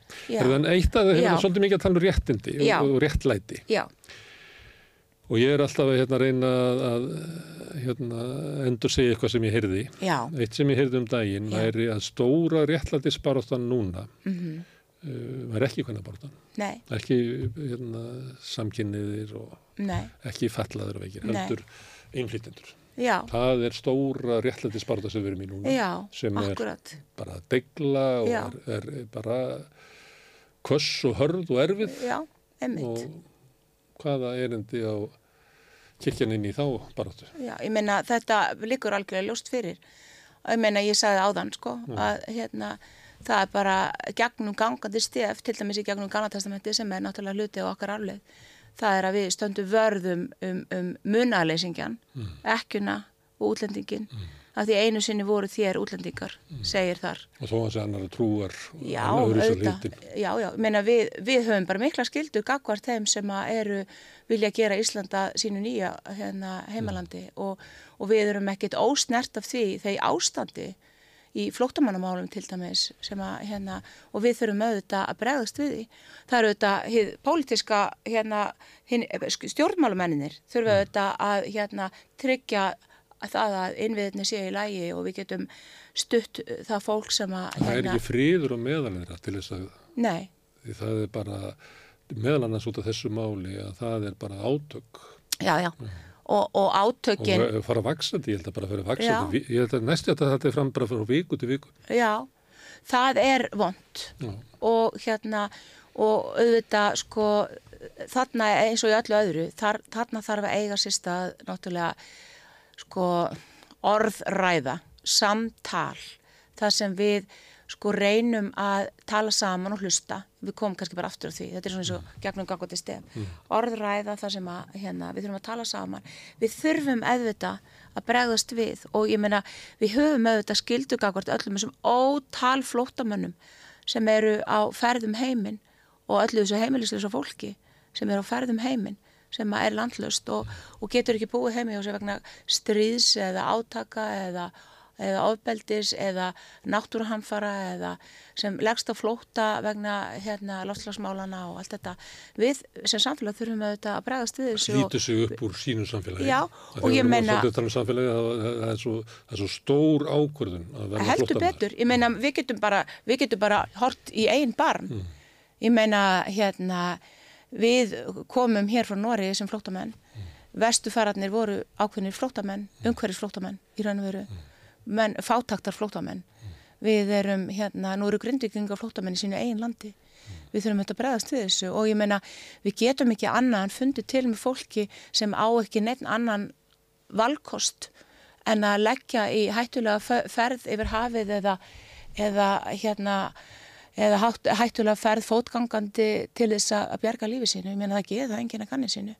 En þannig að við þurfum auðvitað einhvern veginn að við höfum auðvitað skildur kakvað þessu fólki og ég meina allu Östurlönd hafa skildur kakvað þessu fólki og við þurfum líka að horfast í augu við það að, að við erum hér á Vesturlöndum hérna, ég er ekki þar með að sagt að, ég er ekki, ekki þar með að sagt að segja að stjórnmálmennir ákveði það að opna landamærin fyrir öllum, eitthvað þannig, ég er ekki að tala um það.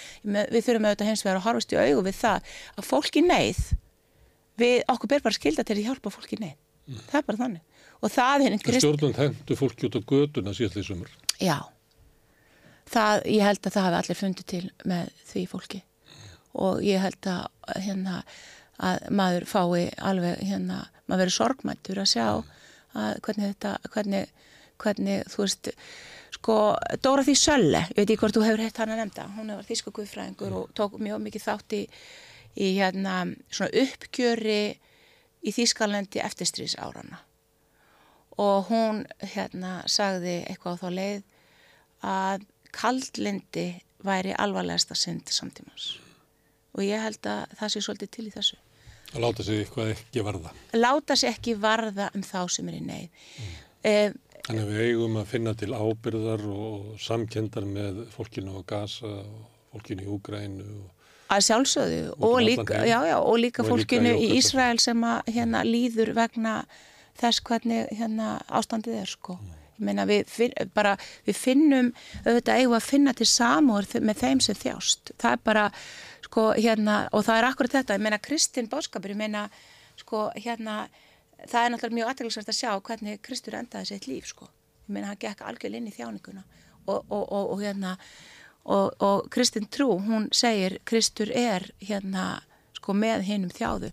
Og ég meina ég man eftir því, ég veit ekki hvort þú lesi bókina eftir Eli Wiesel sem hann skrifaði úr fangabúðunum.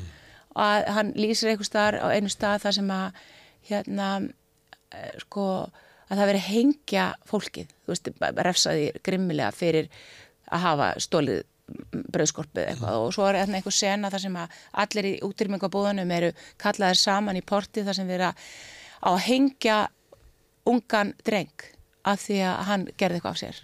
Og það er náttúrulega líka er náttúrulega verið að brjóta fólki niður andlega með þessu að láta það horfa á.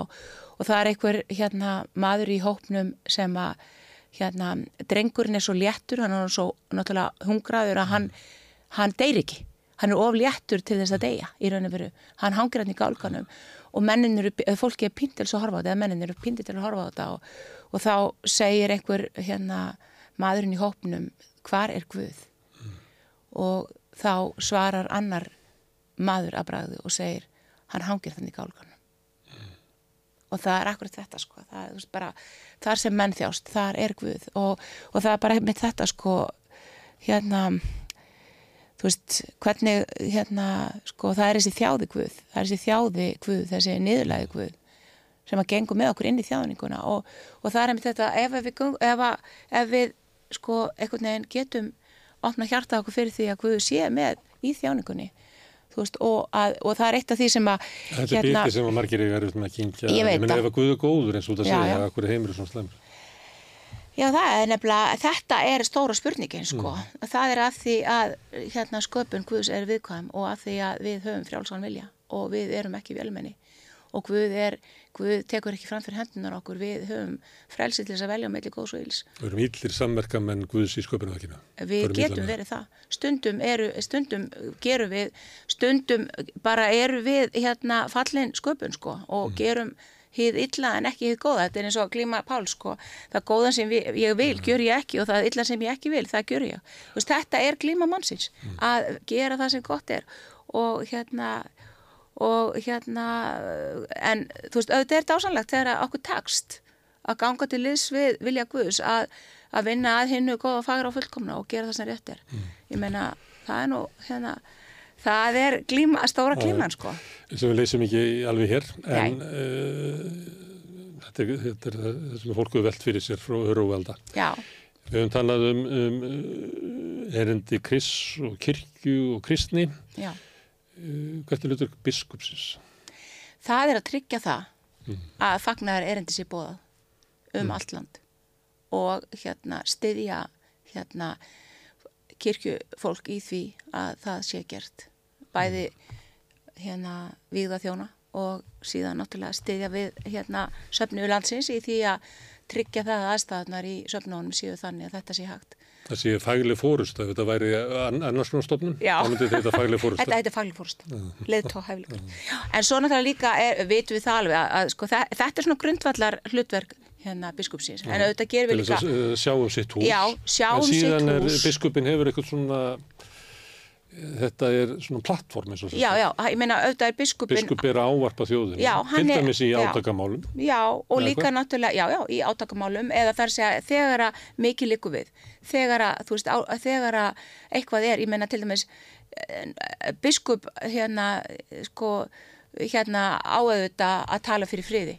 Biskup áauðvita núna að hérna, hérna ávarpa hérna vandan í umhverfsmálum. Hann á að, skiluru, biskupa ætti að, á að hérna, geta talað um í raun og veru hversu ógaglegt það getur verið þegar að hérna er mikil polarisering í orðaræði samfélaginu og svo framvegis. En biskup líka þarf að geta hérna ávarpa þjóðina þegar á móti blæs og, í, hérna, og við væntum þess líka. Ég held að við væntum þess að biskup hafi eitthvað að segja við þjóðina þegar áfell hérna hérna dinja yfir og, hérna, og líka geta verið hérna sagt okkur eitthvað gaglegt og uppbyggilegt okkur til leðsagnar í því að klíma við hérna hverstarslífið og, og hérna og bara að hérna þegar við þurfum hugra ekki til að lifa mm. ég meina, þú veist stundu þurfum við það og við væntu þess að biskupin einhvern veginn geti hérna sagt eitthvað gott og uppbyggilegt við okkur, jáfnvel þótt við séum ekki einu sinni í þjóðkirkjunni við höfum væntingar en við getum heldur ekki gert eitthvað svona ofurmannlega væntingar til biskup sinns biskupin er bara vennilega manneskja sko sem vil til að er mentu í guðfræði og hérna En þetta er samt hlutur svona Já, já. eitthvað fórsetin að sá sem að gegnir því hann mótar það. já, vita skuld Þetta sko er persónu Já, tengt hlutur. já, algjörlega og við höfum,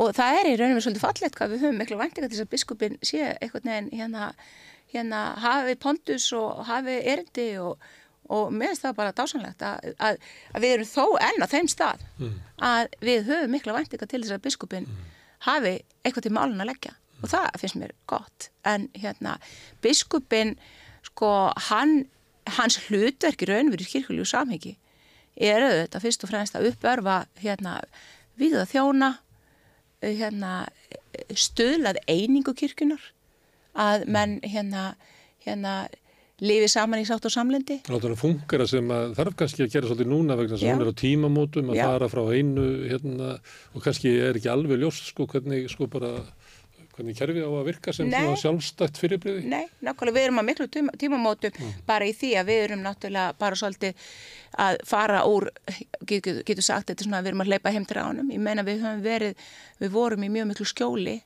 hérna hins ofnbera og núna eru við, þurfum við svolítið að standa á eigin fótum og, og fara hérna að passa upp á það að leggja saman í ávísunheftin okkar eins og við gerðum þegar við fórum að heimann.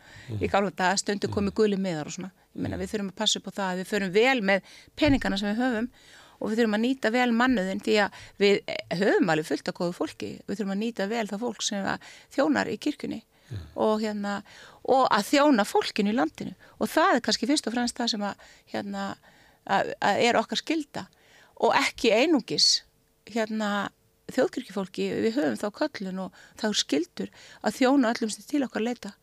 Og það er líka hérna, okkar köllun að, í sambandi við kærleiksþjónustu að það er til dæmis eins og að þjóna þeim sem að eru til dæmis nýbúar í þessu landi eða, eða nýjir Íslendingar alveg sama hvort þeir eru kristnir eða ekki að við höfum ákveðinu hlutverki að gegna kakkur þessu fólki að því það er í viðkomni stöðu. Og við erum í raun og veru í ákveðinu forrætndastöðu sem hérna Kristinn Kirki í þessu landi. Og, að, og við þurfum að, að hérna að, að sko fara vel með þá, bara alveg og allir sem hafa völd. Þau þurfum að vera þessi meðvitaðar um völdin og hvað fylgir mikil ábyrð því að hafa völd. Og líka það að við, það er nú mikið talað um forrætndablindu í dag við þurfum líka að vera meðvituð um það að við njótum ákveðina forréttinda af því að við eigum svo langa sögu með þessari þjóð. Og við eigum ekki að misnota hérna forréttinda okkar heldur eigum við að fara vel með það að okkur hefur verið trúa fyrir miklu.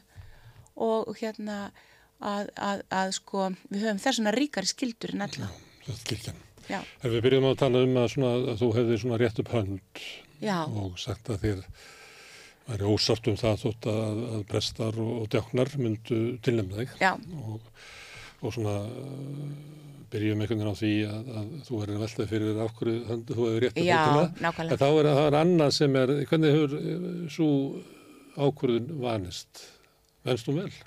sko að ég segja svolítið Já, það eru tíu dagar sín ég ákvæða þetta já, þú veist, að hérna, hella mér, sko, ég er alveg búin að, hérna, ég var búin að vera, hérna, skipt um skoðun alveg mörgum sinnum áður en að ég ákvaði bara, ok, best að henda sér bara út í djúpu launa og, og hérna, þetta getur bara orðið að skemmtileg dæmtýri og hérna, e, ég held að það sé bara heilbrygt að maður, sko, bæði efist um það að maður sé rétt að mannskjan í þetta og að hérna að þetta sé kannski verkefni sem að gæti nú verið svolítið stórt að takast á við. Og ég ætla ekki að hérna, hérna fara lent með það að á þessum tíu dögum hef ég alveg hugsað um þetta. Hvað, hver, hvað þú ert bara vá, hérna. En hérna þetta er eins og með hérna kalluna frásagnar í Gamla testamentinu Spá, spámenninir sem voru kallaðar að Guði þeir hérna möldu alltaf í móin og sagðu ég er ekki hæf til að, að gegna þessu verkefni. En svo þarf maður að minna sig á það hérna, maður er ekkit einn í svona. Ef það myndir nú enda þannig að ég er biskup Íslands sem er allsendis óvist og það er allsendis óvist að ég verði eina af þeim sem að eða einn, af, e- ein þeirra sem að hérna, verði í biskupskjöri bara yfir leitt og hérna og, og hérna þá er þetta, maður er ekkert einn í svona og það hefur maður skinnjað, ég er búin að vera prestur í 20 ár bæði sjáarþorpi og sveit og svo hér í kosinni að hérna maður er bara borin uppi og maður hérna mætir fólki maður, maður mætir fólki ekki eigin nafni. Maður mætir fólki sko og maður er borin uppi af hérna af Guði það er bara þannig, maður finnur það maður er ekkert einn á þessari vegferð þegar maður þarf á gangin erfið að rasta sko. og þannig er biskupin heldur ekkert einn Ég veit ekki hvort þetta sé viðeigandi en munduru frekar vilja sjá næsta biskup sem konu en kall? um, sko ég held bara, ég ætla að treysta því að heilagur andi muni blanda sér í þetta mál Mm. og hann muni bara tryggja það að besta manneskjan verði hérna hérna, Það eru bent á að báðu vikslubiskunar eru karlar þannig að það væri svona Já. svolítið undarlegt ef það væri þriði kallin. já, já, það er bara hérna, ég, ég held að ég, sko, ég er alveg samanlega því það er ekki, sko, kannski heppilagt að hérna að það sé einverðungu kallar ég, hérna, í fórustu hérna sveit kirkjunar ég held að það sé heppilegra. En hérna sko, en auðvitað en það er náttúrulega konur eru andlit kirkjunar mjög víða í hérna í hérna á kirkjulegum vettvangi. Konur eru orðin, orðnar náttúrulega mjög fjölmar í prestastega en ég held að það sé betra ef að, ef að hérna sko ef að hérna, það er fjölbreytur hópur sem er svona kannski út á við. En ég er ekki að segja að það sé nöðsynlega skilda sko að það sé kona bara til þess að sé kona Frekar það góða er- kalla en ítla konu. Já, en ég, ég reyndar held að bara taka það fram að ég held að sem betur fer, þá erum við svo lónsum að allt þetta fólk sem að hefur svona rétt upp hönd eins og þú orðaða að þetta er hérna, bara ágætis fólk sko. þannig að en ég er bara hins vegar alveg ákveðin því alveg sem að hver verður biskupin þá ætla ég að styðja hérna, þann einstakling vegna þess að, að hérna, biskupin er auðvitað, hann, hann er frátekin í ákveði hlutverk en hann er, er, er auðvitað ekki einn, ég meina hann er borin uppi af hérna sem sagt líka á því baklandi sem hann á og náttúrulega líka af hérna því að, að hann er borin uppi í trú að það hann sé að vinna hérna verksitt hérna borin uppi af hérna Guði sem að gengur með honum sko. Við vonum að kirkjan og Guð fái góðan biskup. Já, við gerum það. Takk fyrir að koma Já, hengað og takk skalla við fyrir. okkur um samfélagið og Krist og kirkjurna og biskupin. Takk fyrir það. Takk. Og við munum halda áfram á næstunni að ræða við um uh, biskupskjörið. Það hérna, við erum reyndar að fara í svona rauðri sér dasgrá um helgina þannig að næsta biskupsefni kemur hérna á mánudaginn.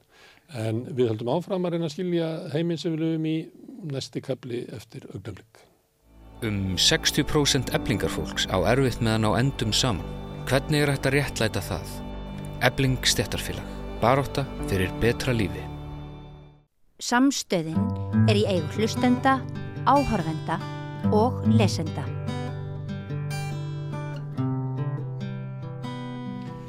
Já, herðu, nú ætlum við að fjalla um áhugavert mál sem er niður í hérastómi. Einu sinni var til félags sem hétt menningatyrst Íslands og Ráðstöðnaríkjana, MýR, breytti síðan í menningatyrst Íslands og Rússlands eftir hrun Sovjetríkjana. En uh, fyrir ekki svo löngu síðan að þá var haldin aðalfundur það sem að félaga verið lagt niður. Það var stjórn helt aðalfund lagði niður félagið. En félagarnir eru ekki sáttur við það og til þess að, að fræðast um þetta mál er hinga komin góður hópar af fólki. Hérna er Alexandra Argonova eða listakonan Kúriki, Uh, Sigurður Þórðarsson sem að hérna er eftirlunamaður núna. En- Félagi mýr. á félagi Mýr og lögmarinn Hilmar Garðars Þorstinsson sem rekur mál uh, félaga. Gætum við sagt fyrir um félaga í Mýr? Nei, nei. Nei, Nei, nei, þeir líta Teljum svo á okkur að vera félaga. þeir séu allir félagar. Já, og þessi ákvörðun hafi verið ólumætt. sem að vilja hrinda þessar ákvörðun. Já, Já. Þið verið að segja mér aðeins frá frá málinu. Já. Eða kannski að byrja að segja frá Mýr. Má ég spyrja þig hérna, ykkur ekki? Hvað, segðu mig frá Mýr. Uh, þetta, þetta er nú félagið yfir 70 ára gömul. 73 ára. Já, ára gott. Ég, ég er ekki alveg, ekki alveg viss en hérna félagi starfaði mörg, mörg, mörg, mörg ár. Ég, ég náttúrulega kom til landsins 66 og uh, lengi vel ég var ekki í þessi félagi en setna 30, meiri 30 ár ég er ansi mikið aktivist í þessu. Já, og það er uh, mjög uh, sterk hreyfing mér finnst það að ég sekti ekki aðra félagsins sem starfa eins og mér uh, en hérna uh, Ívar Jónsson tók við og uh, síðasta stjórnkrafturinn var hann mm. fyrir mér og hann skipulaði mjög vel og hann hugsaði vel um hvernig finna fyrir félagið húsnæði. Hann lagði rosalega mikið vinnu Já. til að stopna og, uh, og vera grunnvallaratriði sem sarfna, sar, félagið sarfnaðist áður fyrir. Mm. Og þetta endaði með því sko að það er ansi mikið var í hópnum og mikið aksjón og meðal annars sko þau byggulega voru kvikmyndir, uh, kennsla, rúsnesku kennslum og halda alls konar namskeiðum og, og líka sko leia áhuga fólki smá félagunum, húsnæði hjálpa þeim og, og líka listamenn frá útlöndum komu mikið og voru að halda síningu og ég náttúrulega eh, var að hlaupa þar líka inn og tók að sagt. Já. Ég veit ekki, ég mjög sakna mikið, mikið, hérna fóringin okkar, náttúrulega ekki lengur og einar tekur við. Hann var náttúrulega nefandi hans, ég, ég til sannig að því einar var mikið mörg ár með Ívari Já. og að hefur lært og tóka við. Svo mér finnst það svolítið erfitt mál núna, ég fyrir ekki út í það núna uh, nema því farið spyrja um þetta. já. En þú ert frá, uh, myndur þú segja að þú væri frá Rúslandi? Jú, ég er frá norðaustu Sýbirju. Já, Landið mitt heitir Saha Jakutía já, og þetta er eina stærsta republik. Hún er eh, landið sjálfum sér 30 sinnum starri Ísland innan Sýbirju já, og þetta mikið auðlindi í landinu, þetta gullkista Rúslands. Og þannig en þjóðan, og við erum mikið náttúrufólks, þörfinum snekkið að fara að leita gullinni í diamantum. En hinn er komu, nýta svolítið mikið. já. Það er skiljanlegt akkur. En ég fór nám til Moskva Já, og hitti það manni minn Magnús Jónsson já, og var að gifta mig okkur og ég kom hingat 66. já. Og þannig frá þessi tími Og takk fyrir það, þú eru auðgað íslenskt uh, samfélag. Þá með þetta. ég, veit ekki. Nei. En uh, Sigurður, það er skiljanlegt akkur kúrikeir í þessu félagi, akkur þú, Já. akkur þú. Já, já, ég, eh, já, það eru húsi. margar ástæði fyrir því. Ég ætla nú aðeins að bæta við þetta hjá henni Kurgei með, með e, þetta félag sem er náttúrulega gamalt og menningarlegt félag og þarna voru formenn til að mynda Þórbergur Þórðarsson og, og Haldur Kilja Lagsnes Já, svo e, e, f- einhverju fræði séu nefndir. Og um, og þetta félag hefur haft alveg ótrúlega mikil áhrif uh, bæði bein og óbein á íslenska menning og listir. Hefur við fengið, það eru fá svið íslenska menninga sem aldrei hefur verið snortin af rúsneski menningu. Uh, tónlistin, bókmentirnar nú skákin, svo ég nefni nú bara eitthvað. Það voru í sínu tíma allir íslensku stórmistararnir uh, uh, ég veit ekki með þessa fyrstu tvo, Guðmund og, og, og Freyrik, en allir sem á eftir komu lærðu rúsnesku, einhverja allavega til að geta lesið hana til að geta fylgst með skák fyrir uh, bara skáktímaritum. Þetta nefni ég svona sem dæmi. En ég uh, fór uh, ég er ungu maður bara á tánisaldri og fer í til Rúslands og var dvaldi þar í tíu mánu og kemst þar í dáleitla snertingu við samfélagið. Og hérna, já, og ég get sagt að mér bara þótti vænt um fólki bara eins og annað fólk sjálfsagt, en rússar eru, eru með svona, eru mjög gesturistnir og þeir eru með stóra sál nú eftir þetta þá kem ég heim og fer að vinna hjá landinskjæslinni í Torskastriðunum sem að voru þá. Og þá fyllist ég náttúrulega hvað þjóðrækni má, svo má segja. Við heldum að við varum að gera þetta fyrir komandi kynslu sjálfstæðisbaráttan okkar.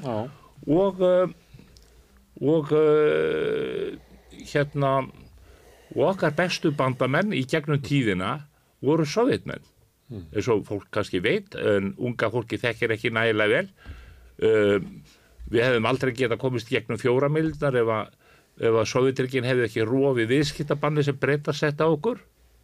Með því að veit okkur uh, tollfrelsi á alla vörur, nú er ég komin aldrei út og söður en uh, það er sorglegt til þess að vita þetta menningafélag sem hefur haft svo vítaka starfsemi og ímislegt sem að fólk þekkir ekki, það er til dæmis eins og að, að fólk sem að kemur frá Sovjetríkjónum, jafnvel Östuröfu það eru átt að einhver leiti sameilega menningar af sem að er rústeskan þannig að félagi mýr hefur að verið einhvers konar atkvarf fyrir uh, Rússnesku fólk úr, minnandi fólk. uh, frá mismunandi löndum, hvort það er Jakobsía eða, eða já, og svo framvegis og hérna og uh, á löngum tíma hefur þetta félag eins og náttúrulega safnaði kannski dálítilli eign því allt var gert í, í sjálfbóðinu allt saman.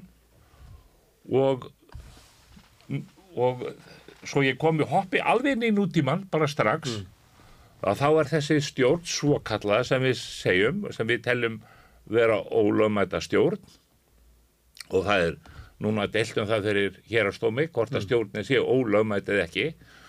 Hún uh, einhvern veginn bara var þarna. Hún síðasti aðalfundur var til dæmis ekki döglistur ekki neitt og mæti bara stjórnin þarna og kýr sjálfa sig. Og, og, og uh, svo er mjög á reiki hvað hvaða tillögur og hvaða samþyktir voru gerðar á þessu fundi því að sennilega fundagerðin gerð svo löngu löngu setna, kannski ári eftir að fundin, líklega að við teljum. Að það er margt sem bendir til þess vegna þess að það fer ekki saman hljóða mynd. Það tillögur sem lagða fram á fundinum annars vegar sem eitthvað við spurt um. Og síðan fundagerðin því að fundagerðin er aldrei svona sakleisisleg og hún hljóðar upp á það að það er bara selja eignin og En áður búin við fyrir mjög lögfræðina, þá er náttúrulega, þetta hétu upphörlega mýr, Já. menningadegs Íslands og ráðstónaríkjana, og var Já. stofnuð í pólitískum tilgangi. Þetta var hluti Já af, og nei þetta Já var og hluti, nei hluti af, bara þau eru nöfni svo nefni, Þorbergur og Já já reyndar voru sko framámenn í, í, í fylkingu, já, sósíalista og er. Já, Já, það er rétt já, og svo falla Sovjetríkin. Já, Já, og þá er breyttu nafn og þá er, heitir þetta menningadegs Íslands og Rússlands. já Og svo er þetta nagt nýður eftir hvað, innrásina í Úgræni eða? Nei, það er ekkert búið að leggja félagi niður Eða svo telur stjórnin, hinn meinta stjórn, Já, hinn meinta stjórn Vill leggja telur að, að, að Já, ef að það nær fram að ganga uh, sem að Hi- Hi- Hilmar og þetta er að útskýra Já, betur já. að ef að það er nær fram að ganga ætlunarverk stjórnarinn sem við teljum vera að þá uh, munu þessar eigur færast frá úr forræði hins almenna félaga eingöngu yfir til stjórnarinnar Hmm. sem mun ekki þurfa að sækja umboð aftur. Eitt eða neitt. Það er að segja að, það, það, það er að segja að þeir koma til með að eiga þessa fjármunni hvað sem að það er í fastegn bankainustæðu eða listmunir sem hafa verið gefnir í góðum tilgangi og geta þeir einir ástafaði Rástaf því einhvers sjóð, já. í einhvern sjóð og sem að Guð má þeir fara, fara með. já, sem Þeir- þeir fara einir Þeir með hefur ekki eignast þetta þeir taka þess vegna þeir leggja niður mýr og stopna, Já. láta eiguna rennin í sjóð. en Gunnar það er ekki hægt að verjast þeirri hugsun að þetta sé gert í eiginhagsmunnskinni Já. En ég með okkar að uh, velta fyrir, fyrir ykkur Já. Á hverju þeir leggja niður menningatist Íslands og Rússlands núna. Er það út af Pútin eða hvað rússar eru óvinsalir? Er þetta... Já, þeir nota það tækifæri. Mm. Það er Akkurat, Ég skálkaskjól. er alveg sammála sem Sigurður segir. Já, þetta er skálkaskjól. Þetta er skálkaskjól eh, þessu þjónar þeim tilgangi að ná þessum eigum og, og, og geta rástaðað um prívat. Já. En, Ég, og, og ef að ég held áfram aðeins með þetta þá eru margt sem að Þetta er ekki leikt Kóreikei að komast það líka? nei, ég er sammála það sem Sigurður var útskýra sko núna. Já. Já. Og ef ég aðeins held áfram með þetta þá er til dæmis að félagi hefur haft ímsa starfsemi þá er náttúrulega leiði niður í nú dáta COVID og ykkurum öðrum afsökunum ímislegt sem að hefur verið á döfunni eins og náskeiðin og svo framvegis Síðast En- þetta en ár. Síðast þetta tvö ár búin Já, að það leggja hefur niður ekkert verið og uh, það sem sko. meira er að Já. það eru hérna uh, félagi var með húsnaði í útlegu og það er búið að segja þeim aðila upp og börn sem að eru uh, já, börn rúsneskra innflytjenda og Íslendinga og ennilega í blönduð hjónaböndum þau að fengi að geta komið þarna og það var ókeppis námskeið í íslensku eða rúsnesku eða ykkur öðru eða svona Og kennsla kennsla, já, kennsla í samfélagsfræðum með, og ykkur hagnýtum fræðum að þau voru bara rekin á hvað á gatinn, bönnin af þessu þessu, já, þe- liði. Og þið eru ósatt við þetta? já, Þið viljið fá mýr aftur? Þið viljið fá mýr aftur? já, Já, við viljum halda þetta áfram af því ég, ég, ég veit ekki hvað margir rússar núna eru á Íslandi. Mm. Þau náttúrulega full eignast börn og fjölskyldu. Þetta framtíð. Marga unga fólki fara að steipa niður. Staðan láta ganga, láta þetta félag taka við þau unga fólki að taka við. já, já þetta er fyrir alla sko. Já, ekki Skip- bara fyrir rúsa Og skiptir yngur máli hverju við völd í Rúslandi? nei, já, alls ekki. Skiptir yngum máli. Erðu, Hilmar, lagfræðinni í þessu? Já, Er þau segja að hann séu stjórn sem að nýti aðstöðu sína til þess að ná undir sig eigum eh, félagsins sem hafa byggst upp með óeigingjarnir í sjálfbóðavinnu áratugum saman? það á allavega að taka eignir félagsins og ráðstafa í einhvern duglafullan sjóð sem að enginn veit alveg hverju munu hafa uh, ráð á. Já.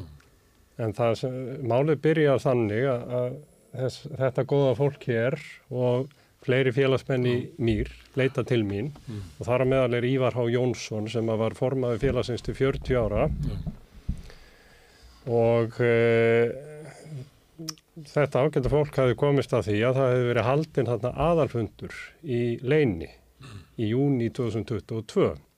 Og félagsmenn kannast ekki við að hafa verið bóðar á það. Nei, þeir kannast alls ekki við það Já, og reyndar heldur stjórnin því fram að bóðunin hafi þannig farið fram að það hefði verið hengtur einhver miði upp í glugga á félaginu sjálf. Það getur alltaf verið löglega bóðaður aðalfundur. Já, það er það sem við segjum og, og hérna, þá nú eftir að, að kveða upp dóminn, en málflutningur er búin að fara fram og dómur er væntanlega bara næstu vikum.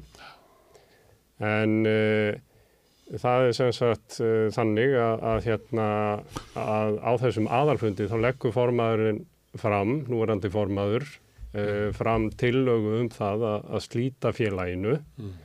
Og það er ákveðið að uh, selja rauninni einu eign mjög verðmæta fastegn félagsins á hverju skuttu sem er metur um 105. 180 miljónir króna Hverju skutu 105?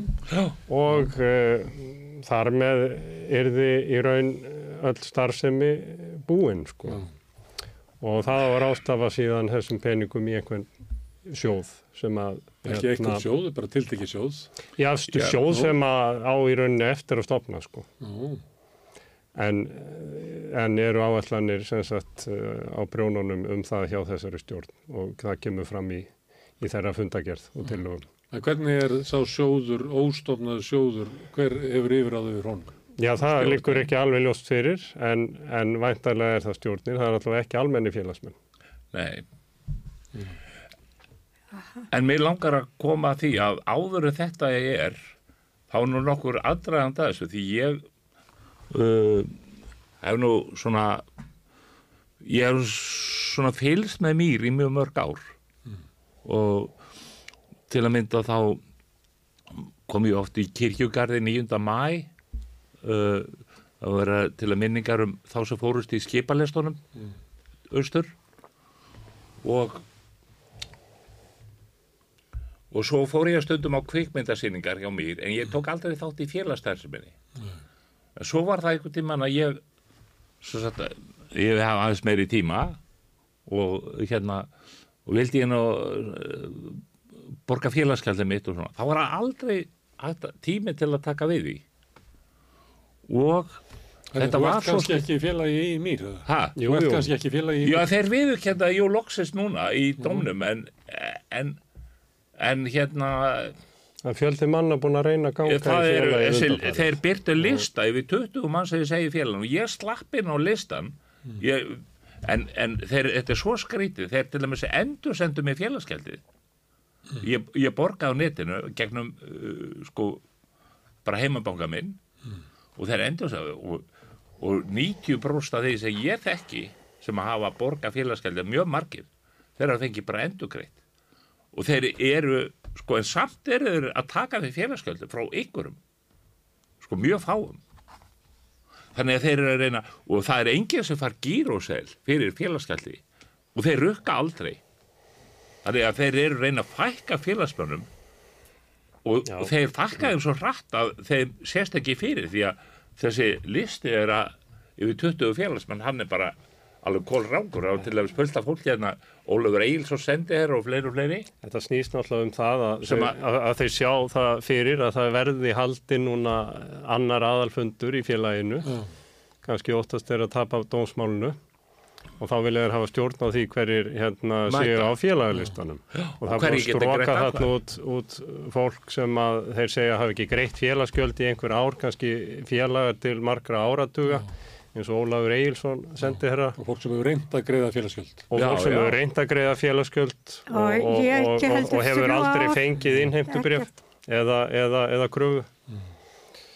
Og, og þannig að nú eru hérna verður sem sagt eflaust deilt um það hverjir hafa atkvæðis rétt á, á komandi aðalfund þetta er mjög skreitið En þetta er nú ekki einstæmi, Hilmar. Við þekkjum svona deilur um svona félag áður, eða ekki, þar sem að Jú, þess hópur hefur lagt niður félag í óþokkannara og það er sannarlega til dæmi þess sem eh, þú þurft að tiltaka í, í réttaröldurinn, eða ekki? Jú, það er til dæmis má nefna hérna, ég held að það hafi heiti Stúdendafélag Háskóla Íslands sem að var félag sem að var nú svona dálítið vinstri sinnaði kringu 1970 Já, og gaf frá sér ímsar yfirlýsingar um um ímis mál já, Og þá tóku-. Já, Já, og þá tóku sig saman menn svona til hægri á pólitíska sviðinu og náðu þannig að undirtökum á heimriða aðalfundi. klíkan í, í svona svo kynnslóð. Já, ég hugsa það. Ég hugsa að Kjartan Gunnarsson jafnvel hafi verið einn af þeim. Og, og það endaði nú þannig að reyndar að, að, að, að þeir sem sagt fjölmöntu þarna á aðalfundin og tóku upp einhver mál sem að höfðu ekki verið á dagskráni í bóðun og, og e, mér minni nú að dómstólar hafi sem sagt komist að þeirri niðurstöð að, að, að það hefði þeim ekki verið heimilt að gera. En það er nefnilega þannig í þessu máli að það er líka deilt um það hvort að stjórninni hafi verið fært að, að- að taka ímis mál upp á þessum aðalfundi sem voru alls ekki e, tilgreind í, í, í þeirra bóðun á fundin og þar auki að var var nokkur bóðunni boðun? náttúrulega fráleitt ef að hún var með þeim hætti sem að sagt er einhver mið í glugga. Já, og stúdíðafélagi var endurist að það tryggði því ekki í langlífi, það, það fjaraði út og dó. Já, það verið þannig. Herðu, en eh, einhver leiti tengist þetta innrásinn í Úkrænu. Það er verið að loka félaginu af því að Rússland er ekki vinsælt í dag. Ég gæti trúa því að, að þessi stjórnamenn séu að pakka saman að hluta til vegna þess að þeir kannski skamma sín bara fyrir að, að tengjast Rúslandi á einhvern hátt. Ég geti trúa því. En ég held að það sé mjög mikilvægt að gera greinamun á, á e, pólitík og, og, og svo menningarsamskiptum. Sem Og nota þetta.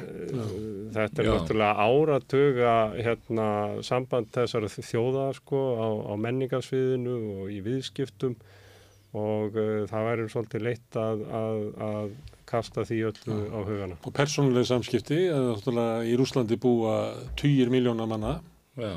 af ven- fólki. 140 Já. miljónir. Fólki. Já, já. Og og- meiri 120 stjóðurinni. Já, já. En- en Og segja- Ekki bara eitt rúsnars, rússar skilir í hessa landi. Nei, Það fleiri með sína menningu, með sína tungumál. já, Ha, í hessa landi, Rúslandi. Að hérna haldast við sko Rúsland, þetta er bara eindóm rússar. Nei, sem eru að búa, heldur hund, yfir 120 þjóðarinni.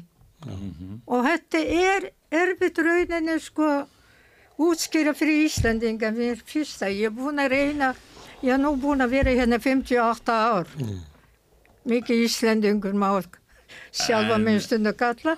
En þau ekkert ná þetta ekki. Nei. Halda sér bara þetta að kenna alls saman rússum. Þetta er Rússland, rússum. Þetta er bara aðeins 1% af 120 þjóðarni. Rússar.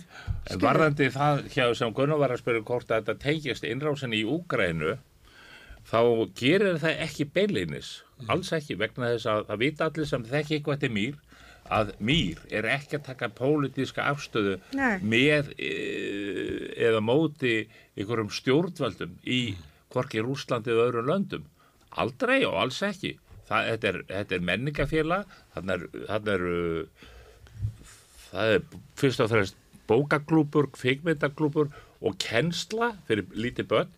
Og segja sér svo að það ætti nú að fara að refsa einhverjum pólitíku sem með því að leggja nefnum mýr þá er það frálegt vegna þess að sko, hverjir eru, eru fórtalömpin?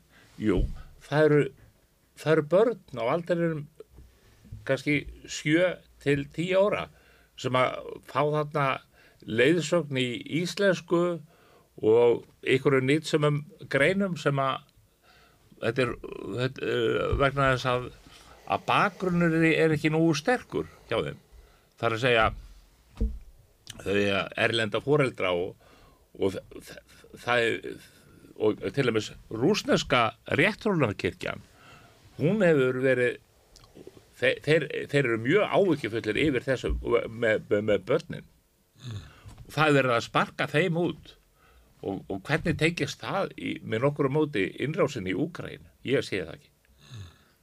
Bara það er mjög langsótt En eitt er að eiga einhverja eignir og annað er að hafa eitthvað ekstra fyrir til þess að geta stunda einhverja starfsemi. já, Þú gerir það ekki á félagsgjöldum 20 manna. nei og enn síður ef að félagskeldunum er alltaf hafnað Já, já.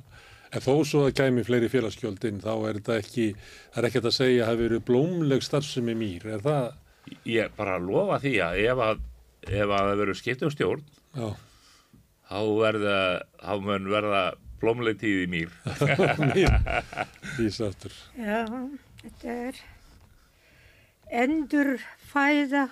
Það tekur tíma að byggja upp líka. Af því þetta fara svolítið mikið nýður núna. Og náttúrulega verða unga fólki taka við stjórn í þessu mýrfélag, sko. Ég til dæmis orðan 85 ára. Já. Fyrir geð taka við mig. Ég bara spyr hver þú er bara geta... glæsileg, þú átt börn og barnabörn Stóra. Alessandra mín Það tekur langa tíma að byggja upp en það getur tekið skamman tíma að rífa niður. já, við ætlum ekki að leifa það Ekki að leifa það.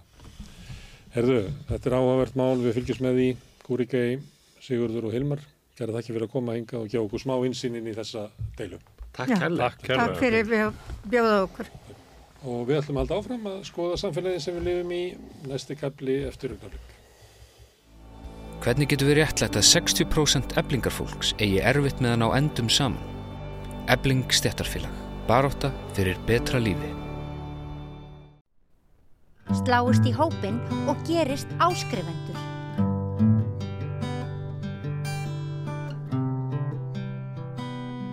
Já, e, við höfum fjallað um heilbríðskerfið út frá ymsum sjónarhóðnum, oft talað við e, þá sem að starfa innan þess, hjógrunafræðinga og lækna og annað starfslið og þá sem kannski taka ákvarðanur um þróun þess. En svo hefur við líka að rættu við almenning og sjúklinga um reynslu fólks af heilbríðskerfinu okkar sem er náttúrulega mikilvægt því að öll kerfi ætti að byggja upp út frá reynslu og væntingum og vonum þeirra sem að kerfin eiga þjóna. Það er þannig. Í gær kom til okkar hann Yngvi Ómar Sigvardsson og saði okkur svona sína sjúkrasögu, en ekki bara sína, heldur líka móðu sinnar og sonar og ætlum að halda áfram svona á næstu dögum og vikum að, að heyra svona reynslusögur af, af reynslusögur fólks af heilbríðskerfinu sem eru mætti kalla svona eiginlega sjúkrasögur eins og sagt er. Hingað er komið Hrafnvild Karlsson, organisti, kosturði, velkomin. Takk. Herðu, ég fekk þig hérna því að þú varst að skrifa eiginlega þína sjúkrasögu á, á vísi um daginn. Já, Já. mikið rétt. Já. Og þið fannst vera mikilvægt að, að segja hana á þinni reynslu. Já, þetta, þess, ég skrifa þess að grein daldi samlega því að ég á samt fleiri hópa fólki við erum að taka þátt í svona vitundavakningu hjá krafti Já. og þetta er svona og það er svona tala ég daldið um og um hvað að það var á tíma þar sem að ég var að fara í gegnum þessi veikindi hjá mér Já. og svona hvað maður vill ekki tala um sjúkrasjónu sína Nei. eða tala um veikindin, maður vil bara fókusa á áhuga málinn, hvað ég er að gera, eitthvað svona ekki alltaf að hugsa um uh, veikindin Nei. En svo sérstaklega kannski síðustu ári núna, núna er við komin hvað, sex ár síðan ég fór í þessa aðgerð Mm. fór í aðgerð á baki um, að ég einhvern veginn er búin að einhvern veginn, veit ekki, sætta sjálfum með náttúrulega, Mm. búið, náttúrulega, náttúrulega búin að samþykja náttúrulega búið að gerast og allt þetta en svona kannski tilbúið núna að tala um þetta Já. um, svona almennilega að þú segir að þú hefur helst vilja að vera að tala um, um áhuga málum eitthvað annað. Er það þannig að, að við hinn erum að, að þröngva sjúklingin svolítið til þess að tala um sjúkdómi sinn? Erum við... Nei, það er náttúrulega, Nei. er náttúrulega skiljalegt að aðstöndindur og svona og, og kannski eins og ég upplæði persónulega náttúrulega fólk vil spyrja og vera vissum að líði vel og allt þetta og allt gangi vel það var um tíma að ég var að fara í gennum geislameðferð út af æxli sem ég var með í bakinu Já. þetta sem var skorið úr Já. og það er náttúrulega bara skiljalegt að fólk vil náttúrulega vita stöðuna, hvernig gengur, hvernig líður þér, hvernig gengur meðferðin og svona Mm. en allan í mínu tilfelli það var svona tímabili sérstaklega kringum geisla meðferðina það sem að það var nóg fyrir sjálfa mig að díla við Mm. meðferðina og svona fyrir, við, fyrir mig og mína nánustu að þegar ég fór í um heiminn hitta félagan að mæta á æfingar, var að syngja í kóra þarna á þessum tíma að, að það væri þá ennþá að spyrja út í Mm. út í veikindin og allt svona náttúrulega, Kannski eitthvað sem þú getur ekki svarað, hvernig hefur það? Kannski ekki einfalt, það er ekki einfalt svarið því. nei og náttúrulega ég skil, skil náttúrulega um, vilja fólks að, að fá að vita að maður líði vel og eitthvað svona en þegar ég er búin að díla við veikindin og það á þessum tímabúndi í nokkur ár. Og svo kemur þessi meðferð. Og svona að stundum vill maður bara hugsa um eitthvað annað. En erðu, ég ætla ekki að lifa þér það, ég ætla að spyrja þau um algjörlega, algjörlega. Hvernig, hérna, hvernig veiktistu? Það er nú stóra spurningin. Ég sem sagt, um, eins og vísar í þessa uh, grein sem ég skrifaði, þá tala ég um að sem sagt, um, svona veturinn 2016-2017, þá byrja ég að finna miklu frekar fyrir því að ég er mjög veikur í bakinu, svona veikburða, um, auðmur og svona og þarna uh, taugaverkir neyri fætur, við vorum með kenningu að ég hafði tóknast í bakinu Já. og svona til þess að um, gera Við, hver eru við í því? Er það það bæði ég mínu nánustu og líka um búin að tala um ekki, þess að þú ætti ekki verið að leita til læknist þar? ekki á þessum tíumpunkti, nei. þetta var svona þetta var ennþá þeim stað og svona ekki eins heldum ekki eins alvarlegt að finna ok, við bara bara eitthvað slæmir í bækinu núna og við bara dílum við það, bara æfingar og eitthvað svona. Svo sem mánuðum leið þá bara kemur í ljós að þetta er ekki að hafa neina áhrif, þetta er ennþá bakverkurinn er ennþá, ég er að verða auðmari styrkur minn mingar Mm. í bakinu og niður í fætur og svo eftir nokkrar, nokkrar ferðir upp á bráðmóttöku gera alls konar taugapróf sem voru ekki svona skýra niðurstöður Mm. um, þá er sem sagt að loks tekið mynda mér Mm. um, og það er skoðað inn í bakið og, og inn í mænugöngin og það er uppkvitað svona 5 cm æxli Mm. sem hefur þá verið að vaksa út frá eitt af taugunum sem að leitu niður í fætunar á mér Mm. og það er náttúrulega meðan að það er að þrýsta í, á hína taugarnar það er sem að veldur þessum taugaverk og þessi styrkur minn minkar En áður að það er gert að það hefur nokkur sunnum leitað inn á bráðavaktina já, út af þá bara óbærilegum sársöka eða? já, það er sem sagt það er þarna vorið 2017 sem sagt þessum 5-3 mánuðum áður en ég fer í hennan uppskurð þá þarna fyrir við á brá, eða sem sagt á brámóttökuna það það, það er ekkert að virka. Það verkjalif, æfingar, nutt uh, nikkjari, Mm. það var ekkert að virka. Og náttúrulega sásökun orðið mjög mikill Mm. og ég var mjög híkandi að fara á bráðmóttökuna, ég viðurkenni það alveg að því að náttúrulega, ég, náttúrulega miklum sásöka og þannig að náttúrulega þráðurinn var mjög stuttu, bara ork, andli orkan bara orðið núl Mm.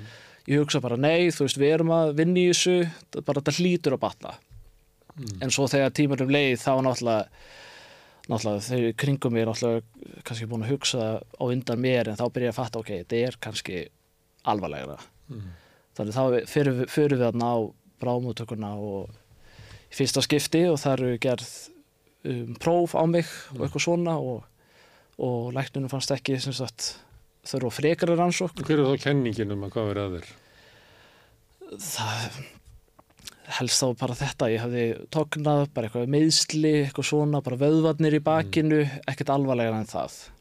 Og, og líka náttúrulega með þetta æxli sem ég, grein, sem ég greinist á endanum með þetta er, þetta er æxli sem að greinist í miklu eldra fólki en mér. Ég var ekki í þessum svona dæmigerða hópi Mm. með þetta æxli. Það var nú alveg bara við um krabba minn. já, náttúrulega.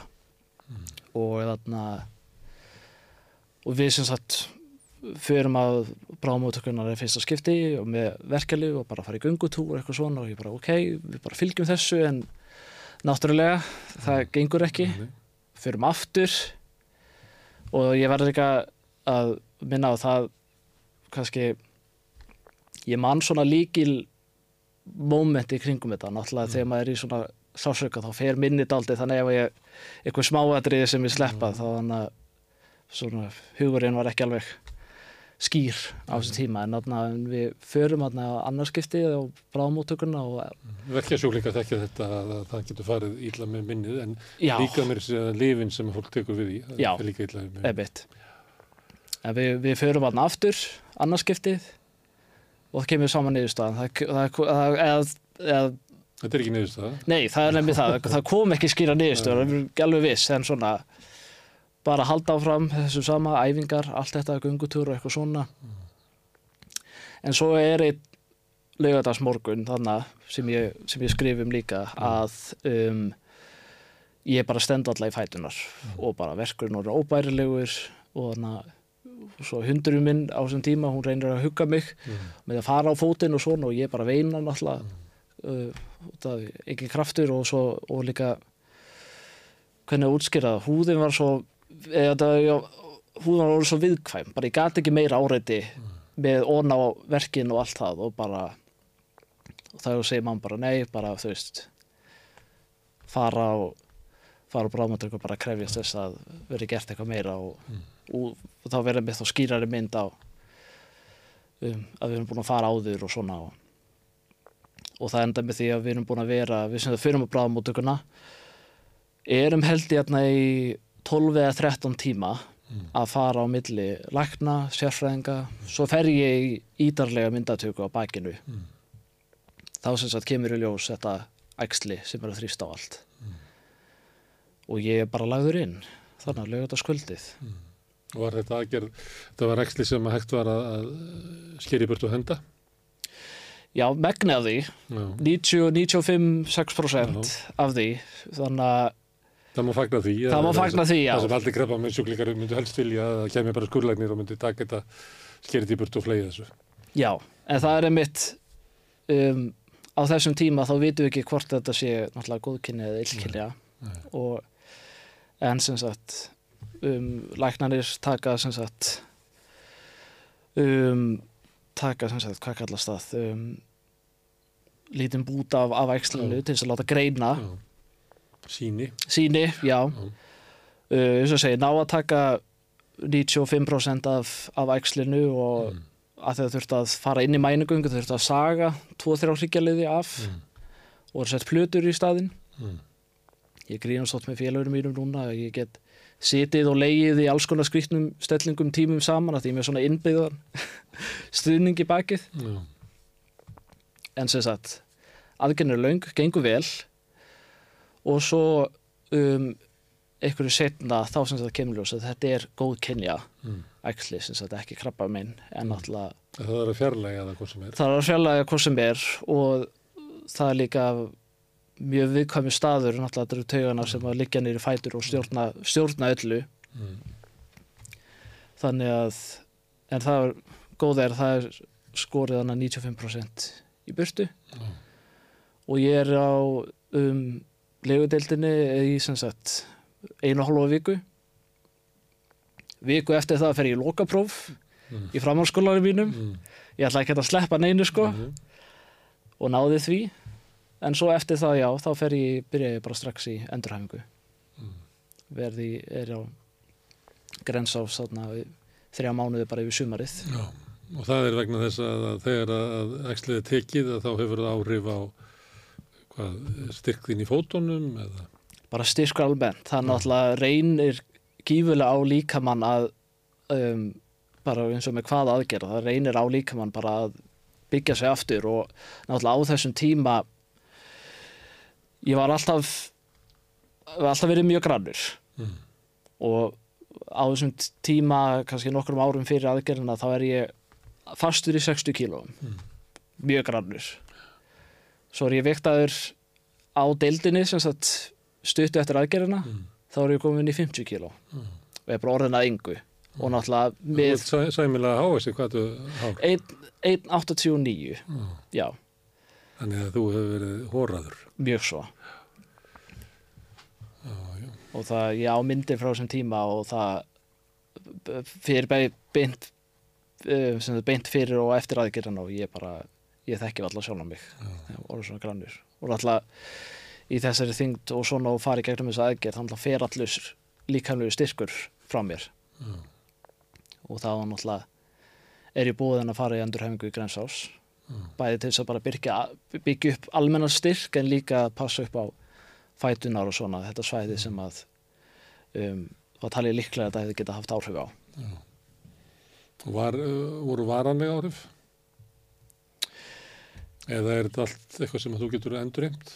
Þú, þú haldrar aðeins þegar þú kemur Ég haldra aðeins, Já. já, það þarna Sem ég var nú að ganta sem að það færi vel við skeggið. já, nei það er einmitt um, það er eitthvað taugabóð í hægri fótinn sem eru pínu hæg en sem betfer eru til tæki og tól til þess að hjálpa með það en með þarna með svona æfingar og með þetta sérstaklega bara tekur langan tíma. Og það, það, þetta gerist ekki strax eftir argina, það koma aðeins setna um, veit ekki hversu skilt eða ekki þetta er aðgerðin er beint, þannig að margir, margir hlutir sem eiga í þarna. En Það gæti verið eitthvað sem hefði eh, skattast við aðgerðina, þetta er eitthvað sem gæti þá skattast við vöxtinu og axlinu, þú, það mun engi vita. Algjörlega það, En hérna, þú skrifar þessa grein um svona þína reynslu, Mhm. uh, má ég aðeins byrja að hverja? Að þú var svolítið að ræða áðan um svona, um, þú veist, að, að horfast í augu við þetta og svo veit hérna upptikinn bara af því að, að batna og, og en, en hvað er það þá sem að þú ert að glíma við? Er það að þú sem uh, sjúklingur eða hvað, hvað þú átt að raða því í, í svona sálina eða hvað, hvað er þetta að glíma við? Já, þetta það, þessar pælingar og þessar hugmynd að skrifa þessar grein kom eftir að ég sem sagt ég teki þáttur þessari vitundavakningu Já. hjá krafti og þá náttúrulega er ég að tala mjög mikið og rifja upp þessa tíma Já. og því meira sem ég hugsaði um, eftir að ég er búin að taka þátt í þessu og svona þessari vitundavakningu og taka þátt í þessu starfi að hafa eitthvað áttæði mig á því að ég hef aldrei talað almennilega um þetta Já. Um, náttúrulega jú eitthvað við, við nánustu nánustu ættingja og svona en það var þetta er svona tími sem ég var heldur búin að, búin að bæla dálítið niður í sjálfur mér. Þetta er náttúrulega reynir mjög mikið á andlega, líkamlega að fara í gegnum þetta og ég bara eitthvað vildi ekki hugsa um þetta. Og fyrst ætlaði ég bara að setja þetta bara á veggi minn, bara á Facebook bara svona fyrir vini, bara ok, þú veist nú er ég tilbúin að tala um þetta. en svo að því að ég var búin að taka þátt í þessu verkefni með krafti og svona og að þarna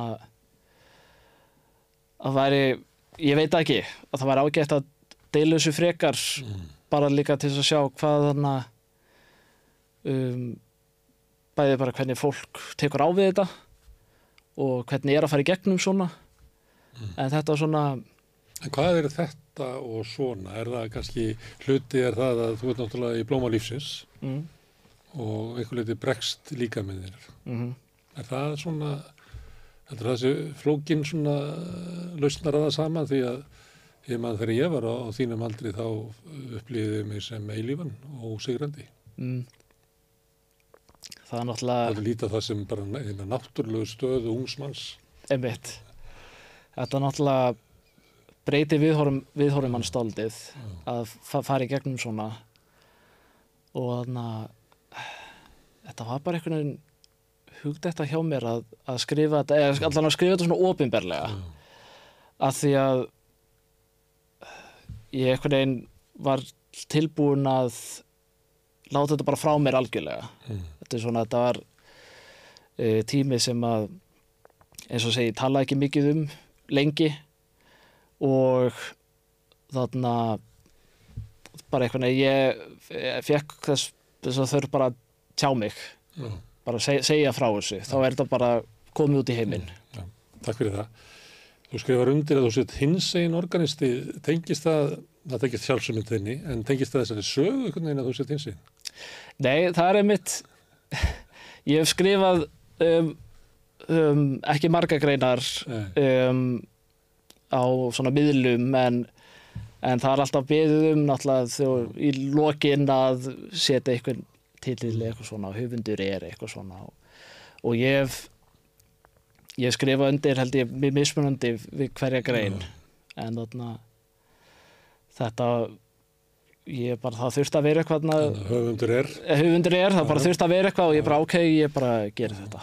Það, mér er dótt í huga að skrifa undir svona höfundur er á mörgu þess að vera margtækur til þess að leika sig með þetta hvað þetta er.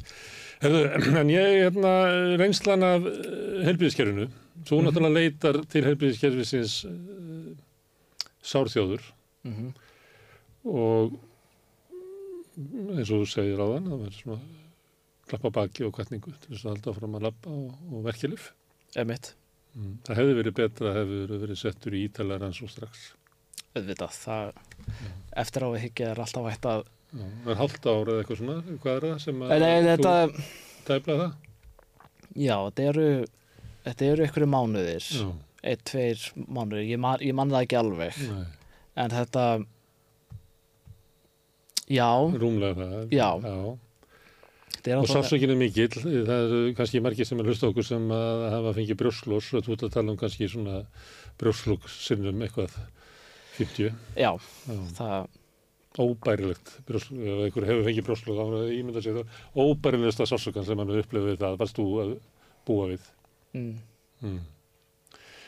Uh, finnst þér að hefði átt að vera að tekja öðru sem mótið þess? Ég veit þú hefði viljað losna við þennan tíma. já. Já. Þetta er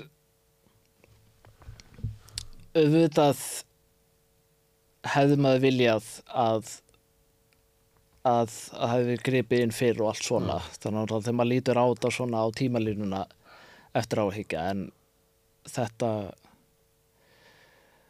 þetta er svona svo verður maður bara að treysta á þekkingu og, og hæfni fólks Það er við að kvarta þegar maður er búin að fá bótmæna sína. mm, Það býst við að það sé okkur svona þakklæti kakvart því. mm, þetta hefði ekki verið hægt að gera neitt fyrir þig fyrir einhverjum áratugum síðan. Mm. Það hefur þurft að lifa við þetta mm, og líklega bara veslast upp. mm. Það hefur hugsað um það, hvernig það væri ef að ef að það væri 1920. Nei, ég er bara mjög þakkláttur með tæknina sem við höfum í dag fyrir þetta Já, og þú færð góða þjónustu helbilskerfinu og þú færð líka mikinn stuðning hjá hérna, krafti sem er uh, í svona jafningja stuðningur. mm.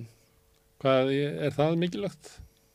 Í sambandi við svona bara, hvað getur við kallað það, svona sjúkdómsinsægi að, að því að maður er að gangi í gegnum svona, alls svona endurskoðun, Mm að, að telur það, starf vera mikilvægt til þess að, að, að hjálpa þér í gegnum uh, svona þá uh, raunir sem þú ert að gangi í gegnum?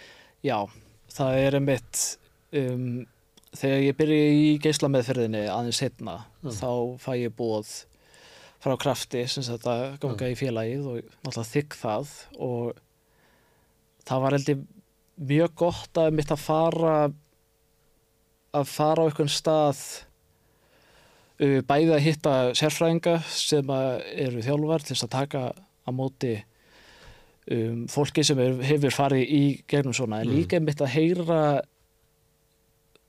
heyra reynslusögur annars fólk sem eru Mm. gengið í gegnum svipað Mm. Sjá hvernig fólk tekur á þetta mismandi, mismandi Mm. skoðanir og hugmyndir svona eftir á Mm.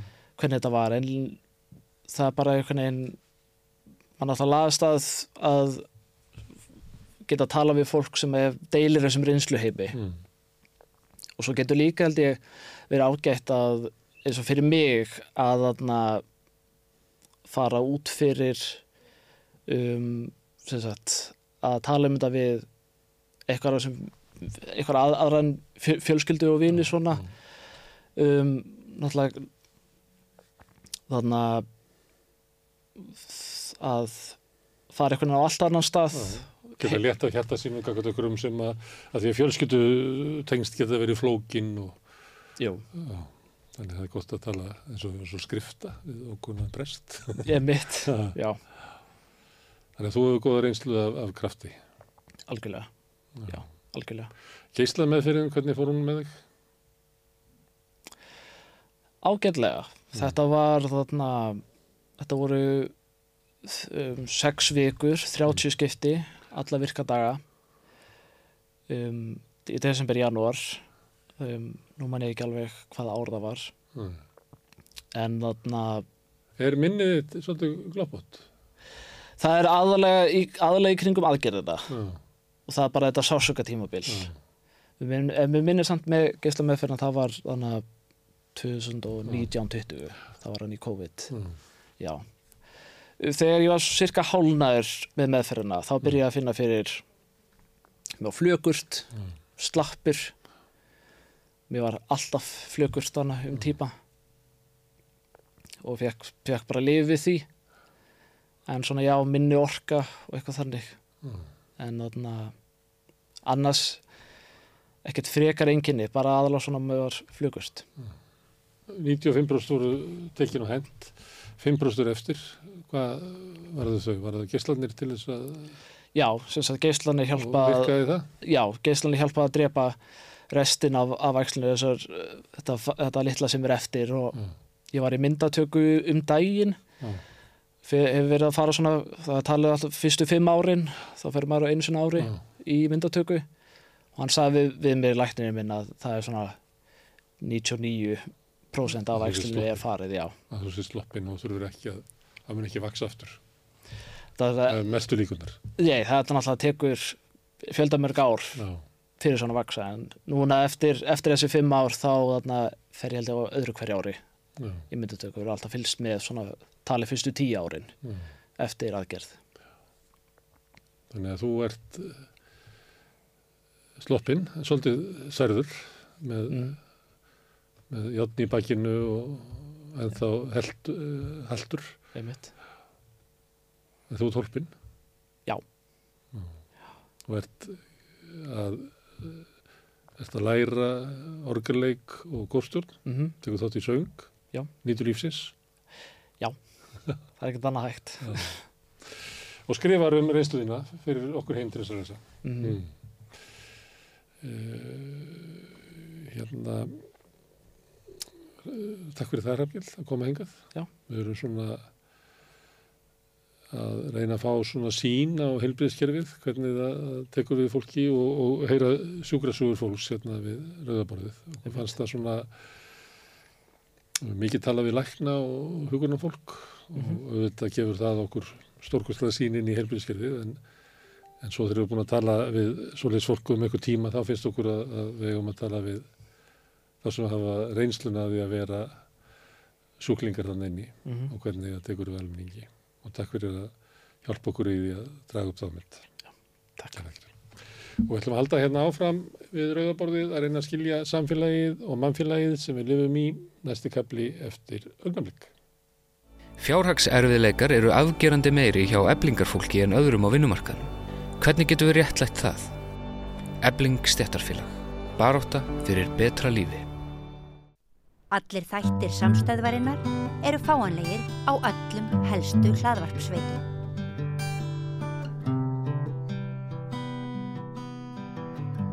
Já, herðu, nú ætlum við að ræða um uh, fátækt í svona eins konar uh, listahorni rauðabólsins. En áður en við ræðum með það, þá skulum við horfa hér á smá vídeo. Hvað er fátækt? Um, fátækt. Um, góð spurning. Það er bara að hafa ekki svona kosti og aðrir. Að um, falla stundum í skuggan á, þú veist, ég veit ekki, bara verður þau glimt eða hérna, já, bara vera neðar í stjætta skiptingu. Hvað er fátækt? Um, að eiga ekki mikið pinning. Já. Og kannski ekki mikið af fjölskyldu eða eitthvað hannig. Vera einmanna. Fátækt að mínu mati er að geta ekki, eiga ekki fyrir mat og reikningum og láta endan á saman um, hver mánuðamót. Er fátækt á Íslandi? Uh, já, já, ég myndi halda það sko. En kannski minna en í öðru, öðru löndum svona. Er fátækt á Íslandi? Já, það er hellingur að fátækt á Íslandi. Hvers vegna er fátækt á Íslandi? Vegna þess að við erum með mískiptingu. Það eru er hellingur af fólki sem á pening og við erum ekki tilbúin til þess að hérna, sjá um hvert öðru manngildi og átt okkur á því að við þurfum ekki allan þennan pening. Við erum að eldast við einhver gæði sem er engin gæði í raun og veru, bara til þess að eldast við þau. Og hvernig getur Ísland risið upp úr fátækt? Ísland er náttúrulega, held ég, einhvern auðvörsta ríki í heimi þó hér sé vissulega fátækt fólk þannig að við erum ekki að rísa upp úr fátækt við þurfum kannski bara aðeins að jafna hlutina Já, þetta var innlit á síningu sem er í nýlistasafninu út í Marsjálfhúsi þar sem að Sæmundur Þór Helgason hefur ja, breytt, uh, breytt þessu í svona hálfgerða kirkju, þetta virkar svona svo steindi gluggar hann að bónusbókandir. Já, Ha. jú, jú. Uh, þetta er síning sem að, já, ég opnaði uh, 19. januar Já. og hann heitir hérna, bera yfirskriftina Af hverju er Ísland svona fátækt og þetta verk myndar samtal við uh, verk úr safnegn hjá nýlastasafninu. Um, já, þessu gluggar. Þannig að þú kemur með þitt uh, sem eru þessi þrý skjáir, Mhm. þar sem að þú ert að tala við fólk í kringlunni eða ekki? Jú, ég tala með fólk uh, í kringlunni aðdraðanda jóla. Núna síðustu jóla? Já.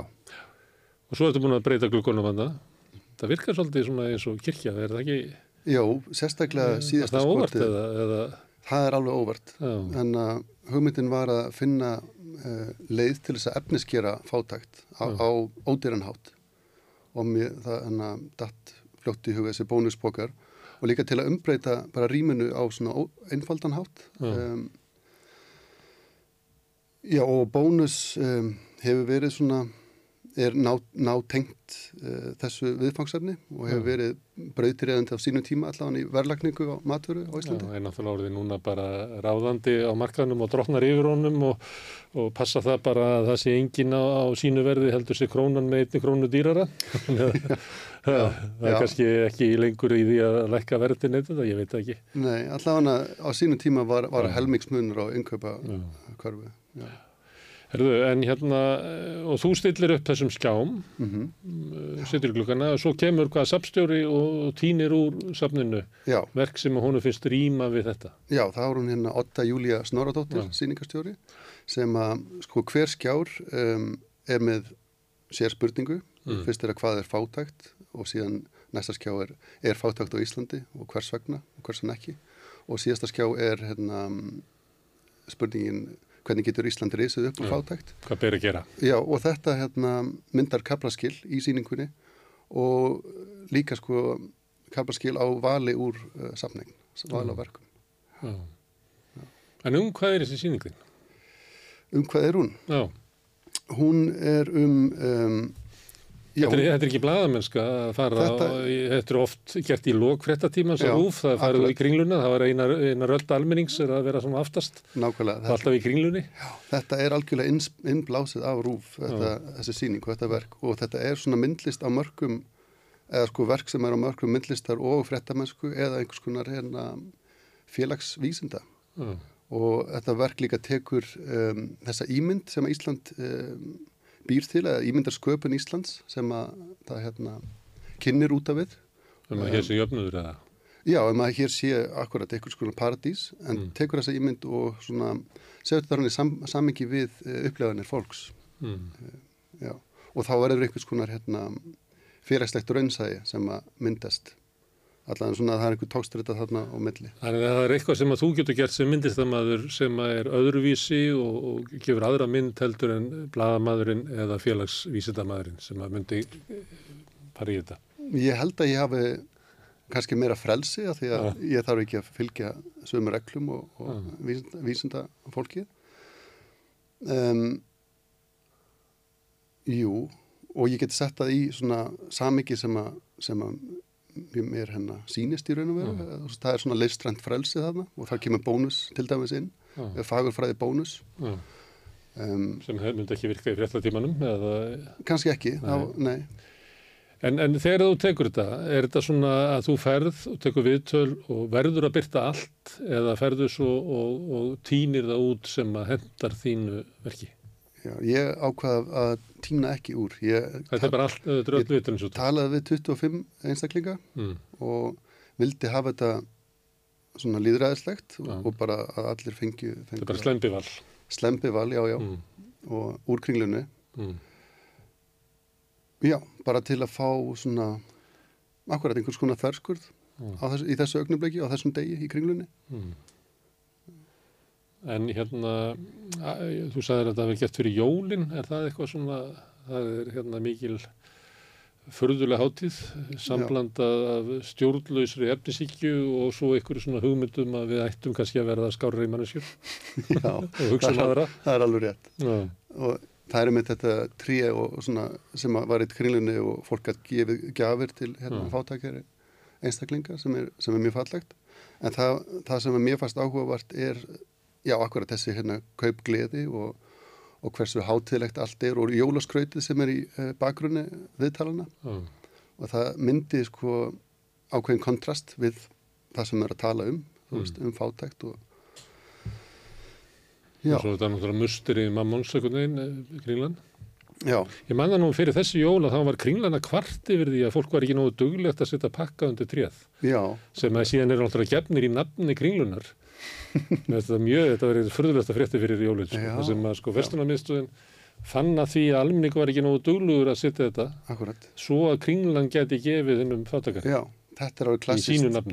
Að útselja sem sagt uh, góð, góðgerðastarf. Fyrirtækir mjög uh, gera Já, þetta, til þetta já, týrkast mjög oft. Í þessu tilvíti bara gleipa góðgerðir almenning, sko. Já, já, já.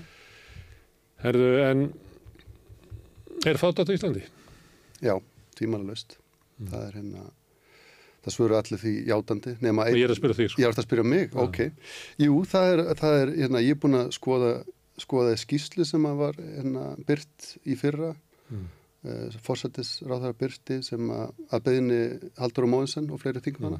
Og þar kemur fram að það eru 50.000 manns um það bil sem að eru uh, undir lágtekju mörgum Mm. en, og það eftir bætur og þessi hópur eru rúglega mikið stærri og það er erfitt að nákvæmlega hérna, Mm. Það eru ábyggilega versna núna út af verðbólgu bara og Jú, það er akkúrat. hérna sem að býtur uh, látu ekki fólk Já, rillilega. Það eru 50.000 mann sem að búa við efnaðslegan skort Mhm. og svo eru ykkur svona ímsar útgáfur með stig. Já. Hver var spurningin með tvö hjá þér? það er hérna er fát, það var, það var er fátt á því Íslandi Já. hvers vegna og hvers vegna ekki Já. Fyrsta spurning er uh, Þá segi ég hvers hvað er fátækt? Já, hvers vegna, já, hvað er fátækt? Ef ég að spyrja það. ok. Um, nú ætla ég að vitna í það sem að fólk svaraði. Það var uh, fátæktir ímskunar hún er ekki bara uh, fjárhagsleg heldur líka uh, heilsufarsleg og félagsleg. Mm. og margir töluðum ein, einsemt sem, um, sem var mikil fátækt í því að eiga ekki góða að. Já. um, sem er svona klassísk gömul eins og það er talað um barnalán til dæmis. Já. Það er næstu í þannig að það kannski Já. verið öðru suksað að, að, að maður er fátakur ef maður er illa félagslega dengdur Já. og. Akkurat. En, en svona heilt yfir er það einhvers konar skortur á lífsgæðum. Mm. Og þú ert sammála þessu? Ég er sammála því, Mm. Og það er fátat á Íslandi þannig að við þurfum ekki að velta því fyrir okkur. Nei. En er hérna, en af hverju er fátat? Af hverju? Um, ég spyr hérna Sæmund. Já, nú spyrðu mig. Já. Já, ég myndi segja að væri um, skortur á samkend og, og hérna, sam, samstöðu. Um, nú, hvernig ég... Þannig að grunnurinn er eiginlega svona mm, andlegt, að við höfum dunka niður andlega, að, að, að, að samkendin okkar er orðin veik og þar er aldrei bregðust ekki við fátakinn og látum hann að veikungast. Þannig að þess að laga þetta þá þurftum við að lifta okkur upp Já. sem manneskjur og sem samfélag. Já, en ég myndi segja að þetta sé líka kerfislegt af því að um, þá er það sko að tengja við fólk, efnaminna fólk og þá er ég að tala um hérna yfirvöld, stjórnmálamenn að ég held að stjórnmálamenn séu mjög aftengdir uh, veg, vegna launa um, Sjá ekki og heyri hinn að fátakur. Nei, vegna þæginda sem þau hafa við sín störf og þá, þá eru að fá sko í kringum til, eh, eina hálfa til tvær miljonur á mánuði og bara sjálfkrafa náttúrulega fjarlægustu um, þeim einstaklingum sem, sem eiga, eiga Þetta fórstættis að þessi nú verðum við 2,8 eða eitthvað sko. Já, ok. Já. Það er uh, þingvaralaunin er eitthvað svona 1,5 og ráðherranir eru með 2, eitthvað. Og, já, já. Þannig að þetta fólk er ekki að súpa döðun og skell. Nei, nei. En svo, hérna, já, hvers vegna, ég, hérna, með grunnar að, að kerfi sem við nýtum okkur þarfnist ná, eh, fátæktar um, og þarfnist er ar, arðrændu Mm.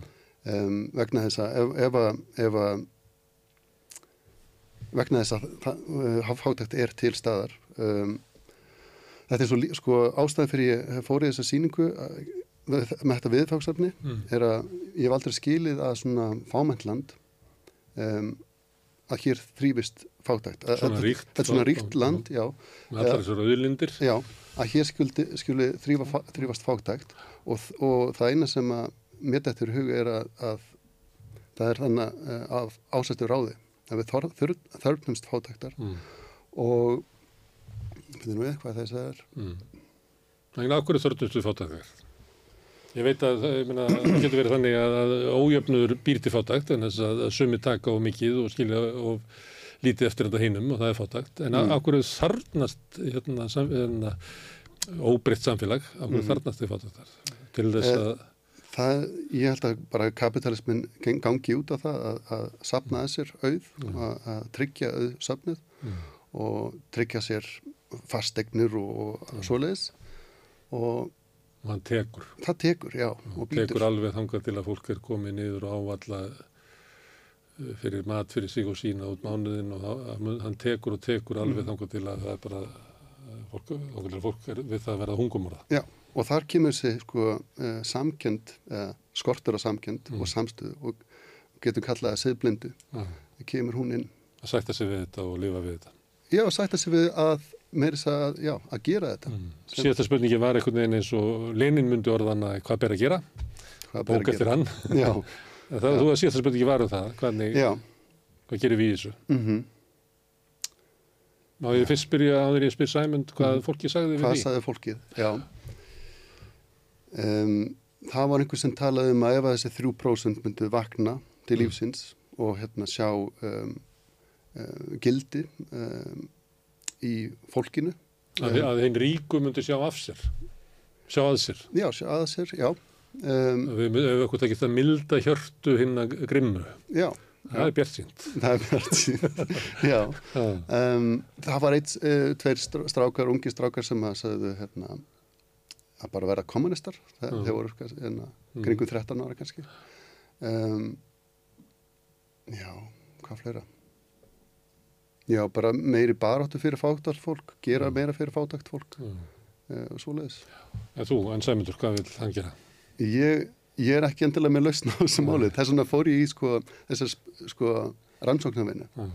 Að því ég vildi með þessar sýningu spyrja spurninga fyrir, að vera með yfirlýsingar og þykjast vita betur. Og kannski myndur ekki búa til list ef þú vissir alltaf svörin. Nákvæmlega, já. já. En þú ert samt að velja þetta viðfórsefni. Þetta er pólitísk list. Já. já. Og hún er að vaksa. Verða meira áberandi í öllum, öllum listgrinum, eða ekki? Hvað er að vera? Pólitísk list. Jú, ég-? Jú, ég myndi að segja það. Já. Ég vona það.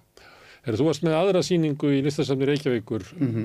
sem að, ég veit ekki, lítur á þetta sem svona pör þessar tvær sýningar? Já, algjörlega. Það, það var hérna síning í Hafnarhúsi Já. uh, í DSL sem að hétt um, Ávöxtun Mm. og þar tók ég hérna peningin sem að ég fekk frá safninu sem voru 120.000 krónur. Uh, þá var það bæði um, launin mín og efn, fyrir efniskostnaði fyrir þessa síningu. Er þetta virkilega svo lítið sem listamöður fær? Þetta, þetta var það, þetta var árið Þannig að 2016. Þannig er listasáttur Reykjavíkur umverulega að arðaræna þig. Algjörlega, allan á þessum tíma, Já. ég veit ekki hvernig gera þetta í dag. En þetta var svona mótmæli hjá mér, ég fór með þessa peninga í alla banka landsins Mm. um, og fekk ráðgjöf hvernig ég geti ávakstað þessum pening og Mm. lifað á honum í framtíðinni. Og síðan uh, tók ég þessa uh, sko, ráð sem ég fekk frá bankunum og setti svona grafist upp sem einhvers konar uh, málverk eða myndir, tölvugerð verk Mm. og hafði svo samband við uh, prentfyrirtæki sem heiti Artis, markarslausnir, uh, bauð þeim síningarsalinn undir sig, undir sem sagt, til þess að auglýsa sig Mm. með logo fyrirtækisins og fekk uh, þannig um, að prenta þessi spjöld að kostnaðalausu og komst hjá etniskostnaðinum og hérna, já, stakk peningunum í vasan. Já, sem, þetta sem, sem þóknun öllum þessum 120 skonum sem hún líklega búin að eyða núna eða hvað? Jú, jú. Þú fórst ekki í því að þá eins Ég og ert bankarnir að voru borga leigu í London. Já. En voru myndirna þá bara tölvupostar frá fyrirtækjunum um það hvernig hún getur að 120 skonur? Nei, sko, uh, starfsmenn bankana mega ekki segja, sko, mæla með Nei. ákveðnum reikningum, heldur voru að tala um, sko, þessi er mjög vinsall, mar Já. margir eru að fá sér svona reikning og, og ég bara tólkaði það sem þau voru að segja og setti það upp sjálfur Mm. samt út frá þeirra fagurfræði, setti það upp sjálfur í, í þrývita fóræti og gerði svona svolítið, útfærslu á þeirra uh, fagurfræði. En um hvað var súsýning? Súsýning var um uh, já, kjör myndlistamanna sem Já. eru oft mjög bá eða erfið. Það, já. Vildur þú segja að þú búið við fátakt? Ég hef gert það uh, á fullorins árum. Mm. Um, í fyrra fekk ég hérna 12 mánuða um, listamannalaun Já. sem að bre- gjör Sem- breytti öll, öllu Já. fyrir, fyrir mér. Sko. Sem eru svona íkildi lámaslauna? Já. Þannig að það er að skýta laun? Að það voru ágættis laun, það var alveg 500 krónur á mánuði. Sem að. Þessi er verktaki. Já, Þess vegna já, er þetta kannski líkt bara, þetta er kannski 410 skrónur sem launþegi. Já. Eða eða launamaður. Já. Og þú býrið úti eða? Ég bý í Amsterdam. Já. Já. Og er þar, um, kennið þar í listaháskóla. Já. En verkiðin eru um íslenska raunleika? Algjörlega, já. Og hvað, akkur er það? Það losnar ekki við Ísland? einhvern veginn? Já, ég er mér náttúrulega búið að sína hérna á Íslandi Já. og þá bregst Já. ég við þeim raunveruleika sem að Já. hér blasir við. Já. En ég, hérna, jú, ég á til með að vinna með Ísland sem, sem svona case study eða þannig. Af því þetta er svo lítið samfélag og mest áhugavert að, að já, hvort sé hægt að Ég var að ræða hér við biskupkandidat á hann Já. og hún var einmitt að tala um það að hún kom úr svona litlu samfélagi þess sem allir skiptum máli og, og svona þessi hugmyndum að við hérna, getum haft áhrif á samfélagið og sömuleiti á það kannski við um okkur íslendinga því við erum svo fá, það munar svo mikið um Já, hvern já.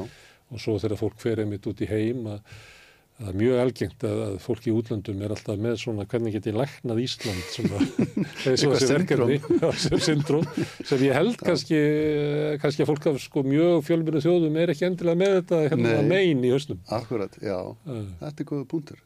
Að Þú ert með þetta megin. Ég er með þetta syndrom, já. Ah. já, bjargvættar syndrom. Já. Herðu, þú setur upp þessa sýningu og þetta er innleggin í umræðina. Mhm. Íslenska, Já, bara, bara beintin í samfélagsumræðina. Og bara þessum- Hverstaslega list Já.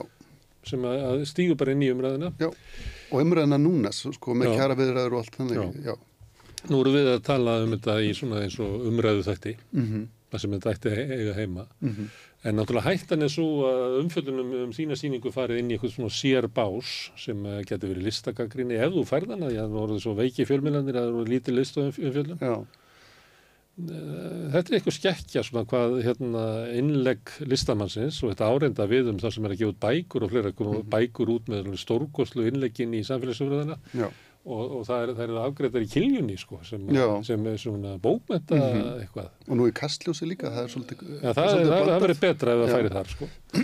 Hvað er með, hérna, með eh, möguleika listafólks til þess að raunverulega að ég meina þú laðir þetta á þig Já. þú býr þetta til, setur þetta upp og leggur þetta fram hvað með svona viðtöku við verkinu er það bara einn enganlegu áhrif á þá sem að koma inn og skoða Já. eða hefur þetta áhrif á sko samfélagsumræðinu sjálfa Já, í gegnum fjölmiðla gerir það Já. og það er svona eiginlega megin ástæðan já, eh, fyrir að ég, ég, ég sko sendi út fréttatilkynningar til Já. þess að, að eh, sýningin þá nái til fleiri heldur en bara sýningagesta og list unnenda að það, já, að sé innlegg inn í svona hérna, umræðu líðandi stundar. Já. þannig að hér ertu sem framalda þessar sýningu Já, og, já, og kynni, já, þessa sýningu, já, eins, og, eins og við skoðum vídeo á þann, að, að það nái til sem flestra, sko. Já. Erðu, Já. Sæmundur, gaman að fá því hérna og þetta er foröldileg síning, merkilega falleg. Já, takk fyrir það. það. Nei, miða við hún er að fjalla um svona raunverulega kannski kalda og erfiða hluti Já. og þú ert með bónu sem er nú eitt förðulegasta vörumerki og hefur alls þrú, þrungi ták sko, Já, þetta já. er bónusfánin alþýkisúsina og Já. þetta en er- svo virkar þetta svona eins og, eins og helgistaður þegar þetta Já, er sett svona upp. takk fyrir það. Takk, takk. Ja, mjög fín, fín síning og við hvetjum þegar lögum við þakkum sæmundi þá hvetjum við alla til þess að fara út í, í messelhús og, og ganga þarna um og, og uh, hérna, heyra hvað fólkið í kringlunni segir og aðtóa hvort að, að þær rattir og, og uppsetningin í, í e, nýristasafninu fái fólk til þess að, að hugsa um þetta mál sem við erum ofta fjallum hér á Rauðaborðinu. En þetta eru lókin á Rauðaborðinu í kvöld. Ég þakka Sæmundi og öllum gestunum sem hinga komu, þakka þeim sem að koma að, að búa til þættina hérna. Það er ekki bara við sem eru hérna megin kamerunar, heldur er fólk hérna hinum megin sem heldur utanum upptökur og útsettingar, þakkum þeim kjænlega fyrir og ykkur fyrst og fremst sem eru að hlusta því að með ykkar þáttöku þá verður þetta fyrst til. Þið getið verið virkir þáttakutur með því að benda vinum og vandamennum á að á efni sem ykkur finnst áhugavert uh, og bent á að við erum á Facebook og YouTube, við erum í öllum hlaðvarsveitum, við erum í útvarpinu á Stórhauðurbrukasæðinu 89,1. Það er líka þetta náðu sem útasendingum í gennum spilaran, bæði á spilarin.is og svo er spilarin líka app sem á hlaða niður í síman og hlusta á samstöðuna og allar íslenskar útastöðar hvað sem er í heiminum. Svo erum við komin í sjónvarpið, við erum komin til þeirra sem að fá sjónvarpið sitt frá símanum, þar erum við nummer 5 á fjastinningunni og þar er uh, 24 tíma á sólaring alla dagavikunar samfélagsumræða frá samstöðinni. Hvet ykkur til þess að, að tekka því ef að þið fáið sjónvarpika frá öðrum fjarskiptafyrirtæki þá mættu kannski spyrja þau af hverju fæ ég ekki í samstöðina eins og þeir sem að skipta við síman. Um, þeir sem verður hjálpa okkur til við uppbygginguna geta líka gerst áskrifundur, það kostar 2500 krónur. Uh, þið farið þá inn á samstöðum.is, það er nappur sem ástandur áskrift, skráðu ykkur þar. 2500 krónur er grunnáskriftið, þið megið borga meira eða viljið og þeir sem að kjósið getur látið áskriftin að renna sem félagsgjöldin í alþjóðfélagi og það er alþjóðfélagi sem á og rekkur samstöðuna og allt efni sem að þið sjáuð og heyri hér er í bóði áskrifenda. Við þökkum þeim kærlega fyrir hjálpina og segjum góða nótt.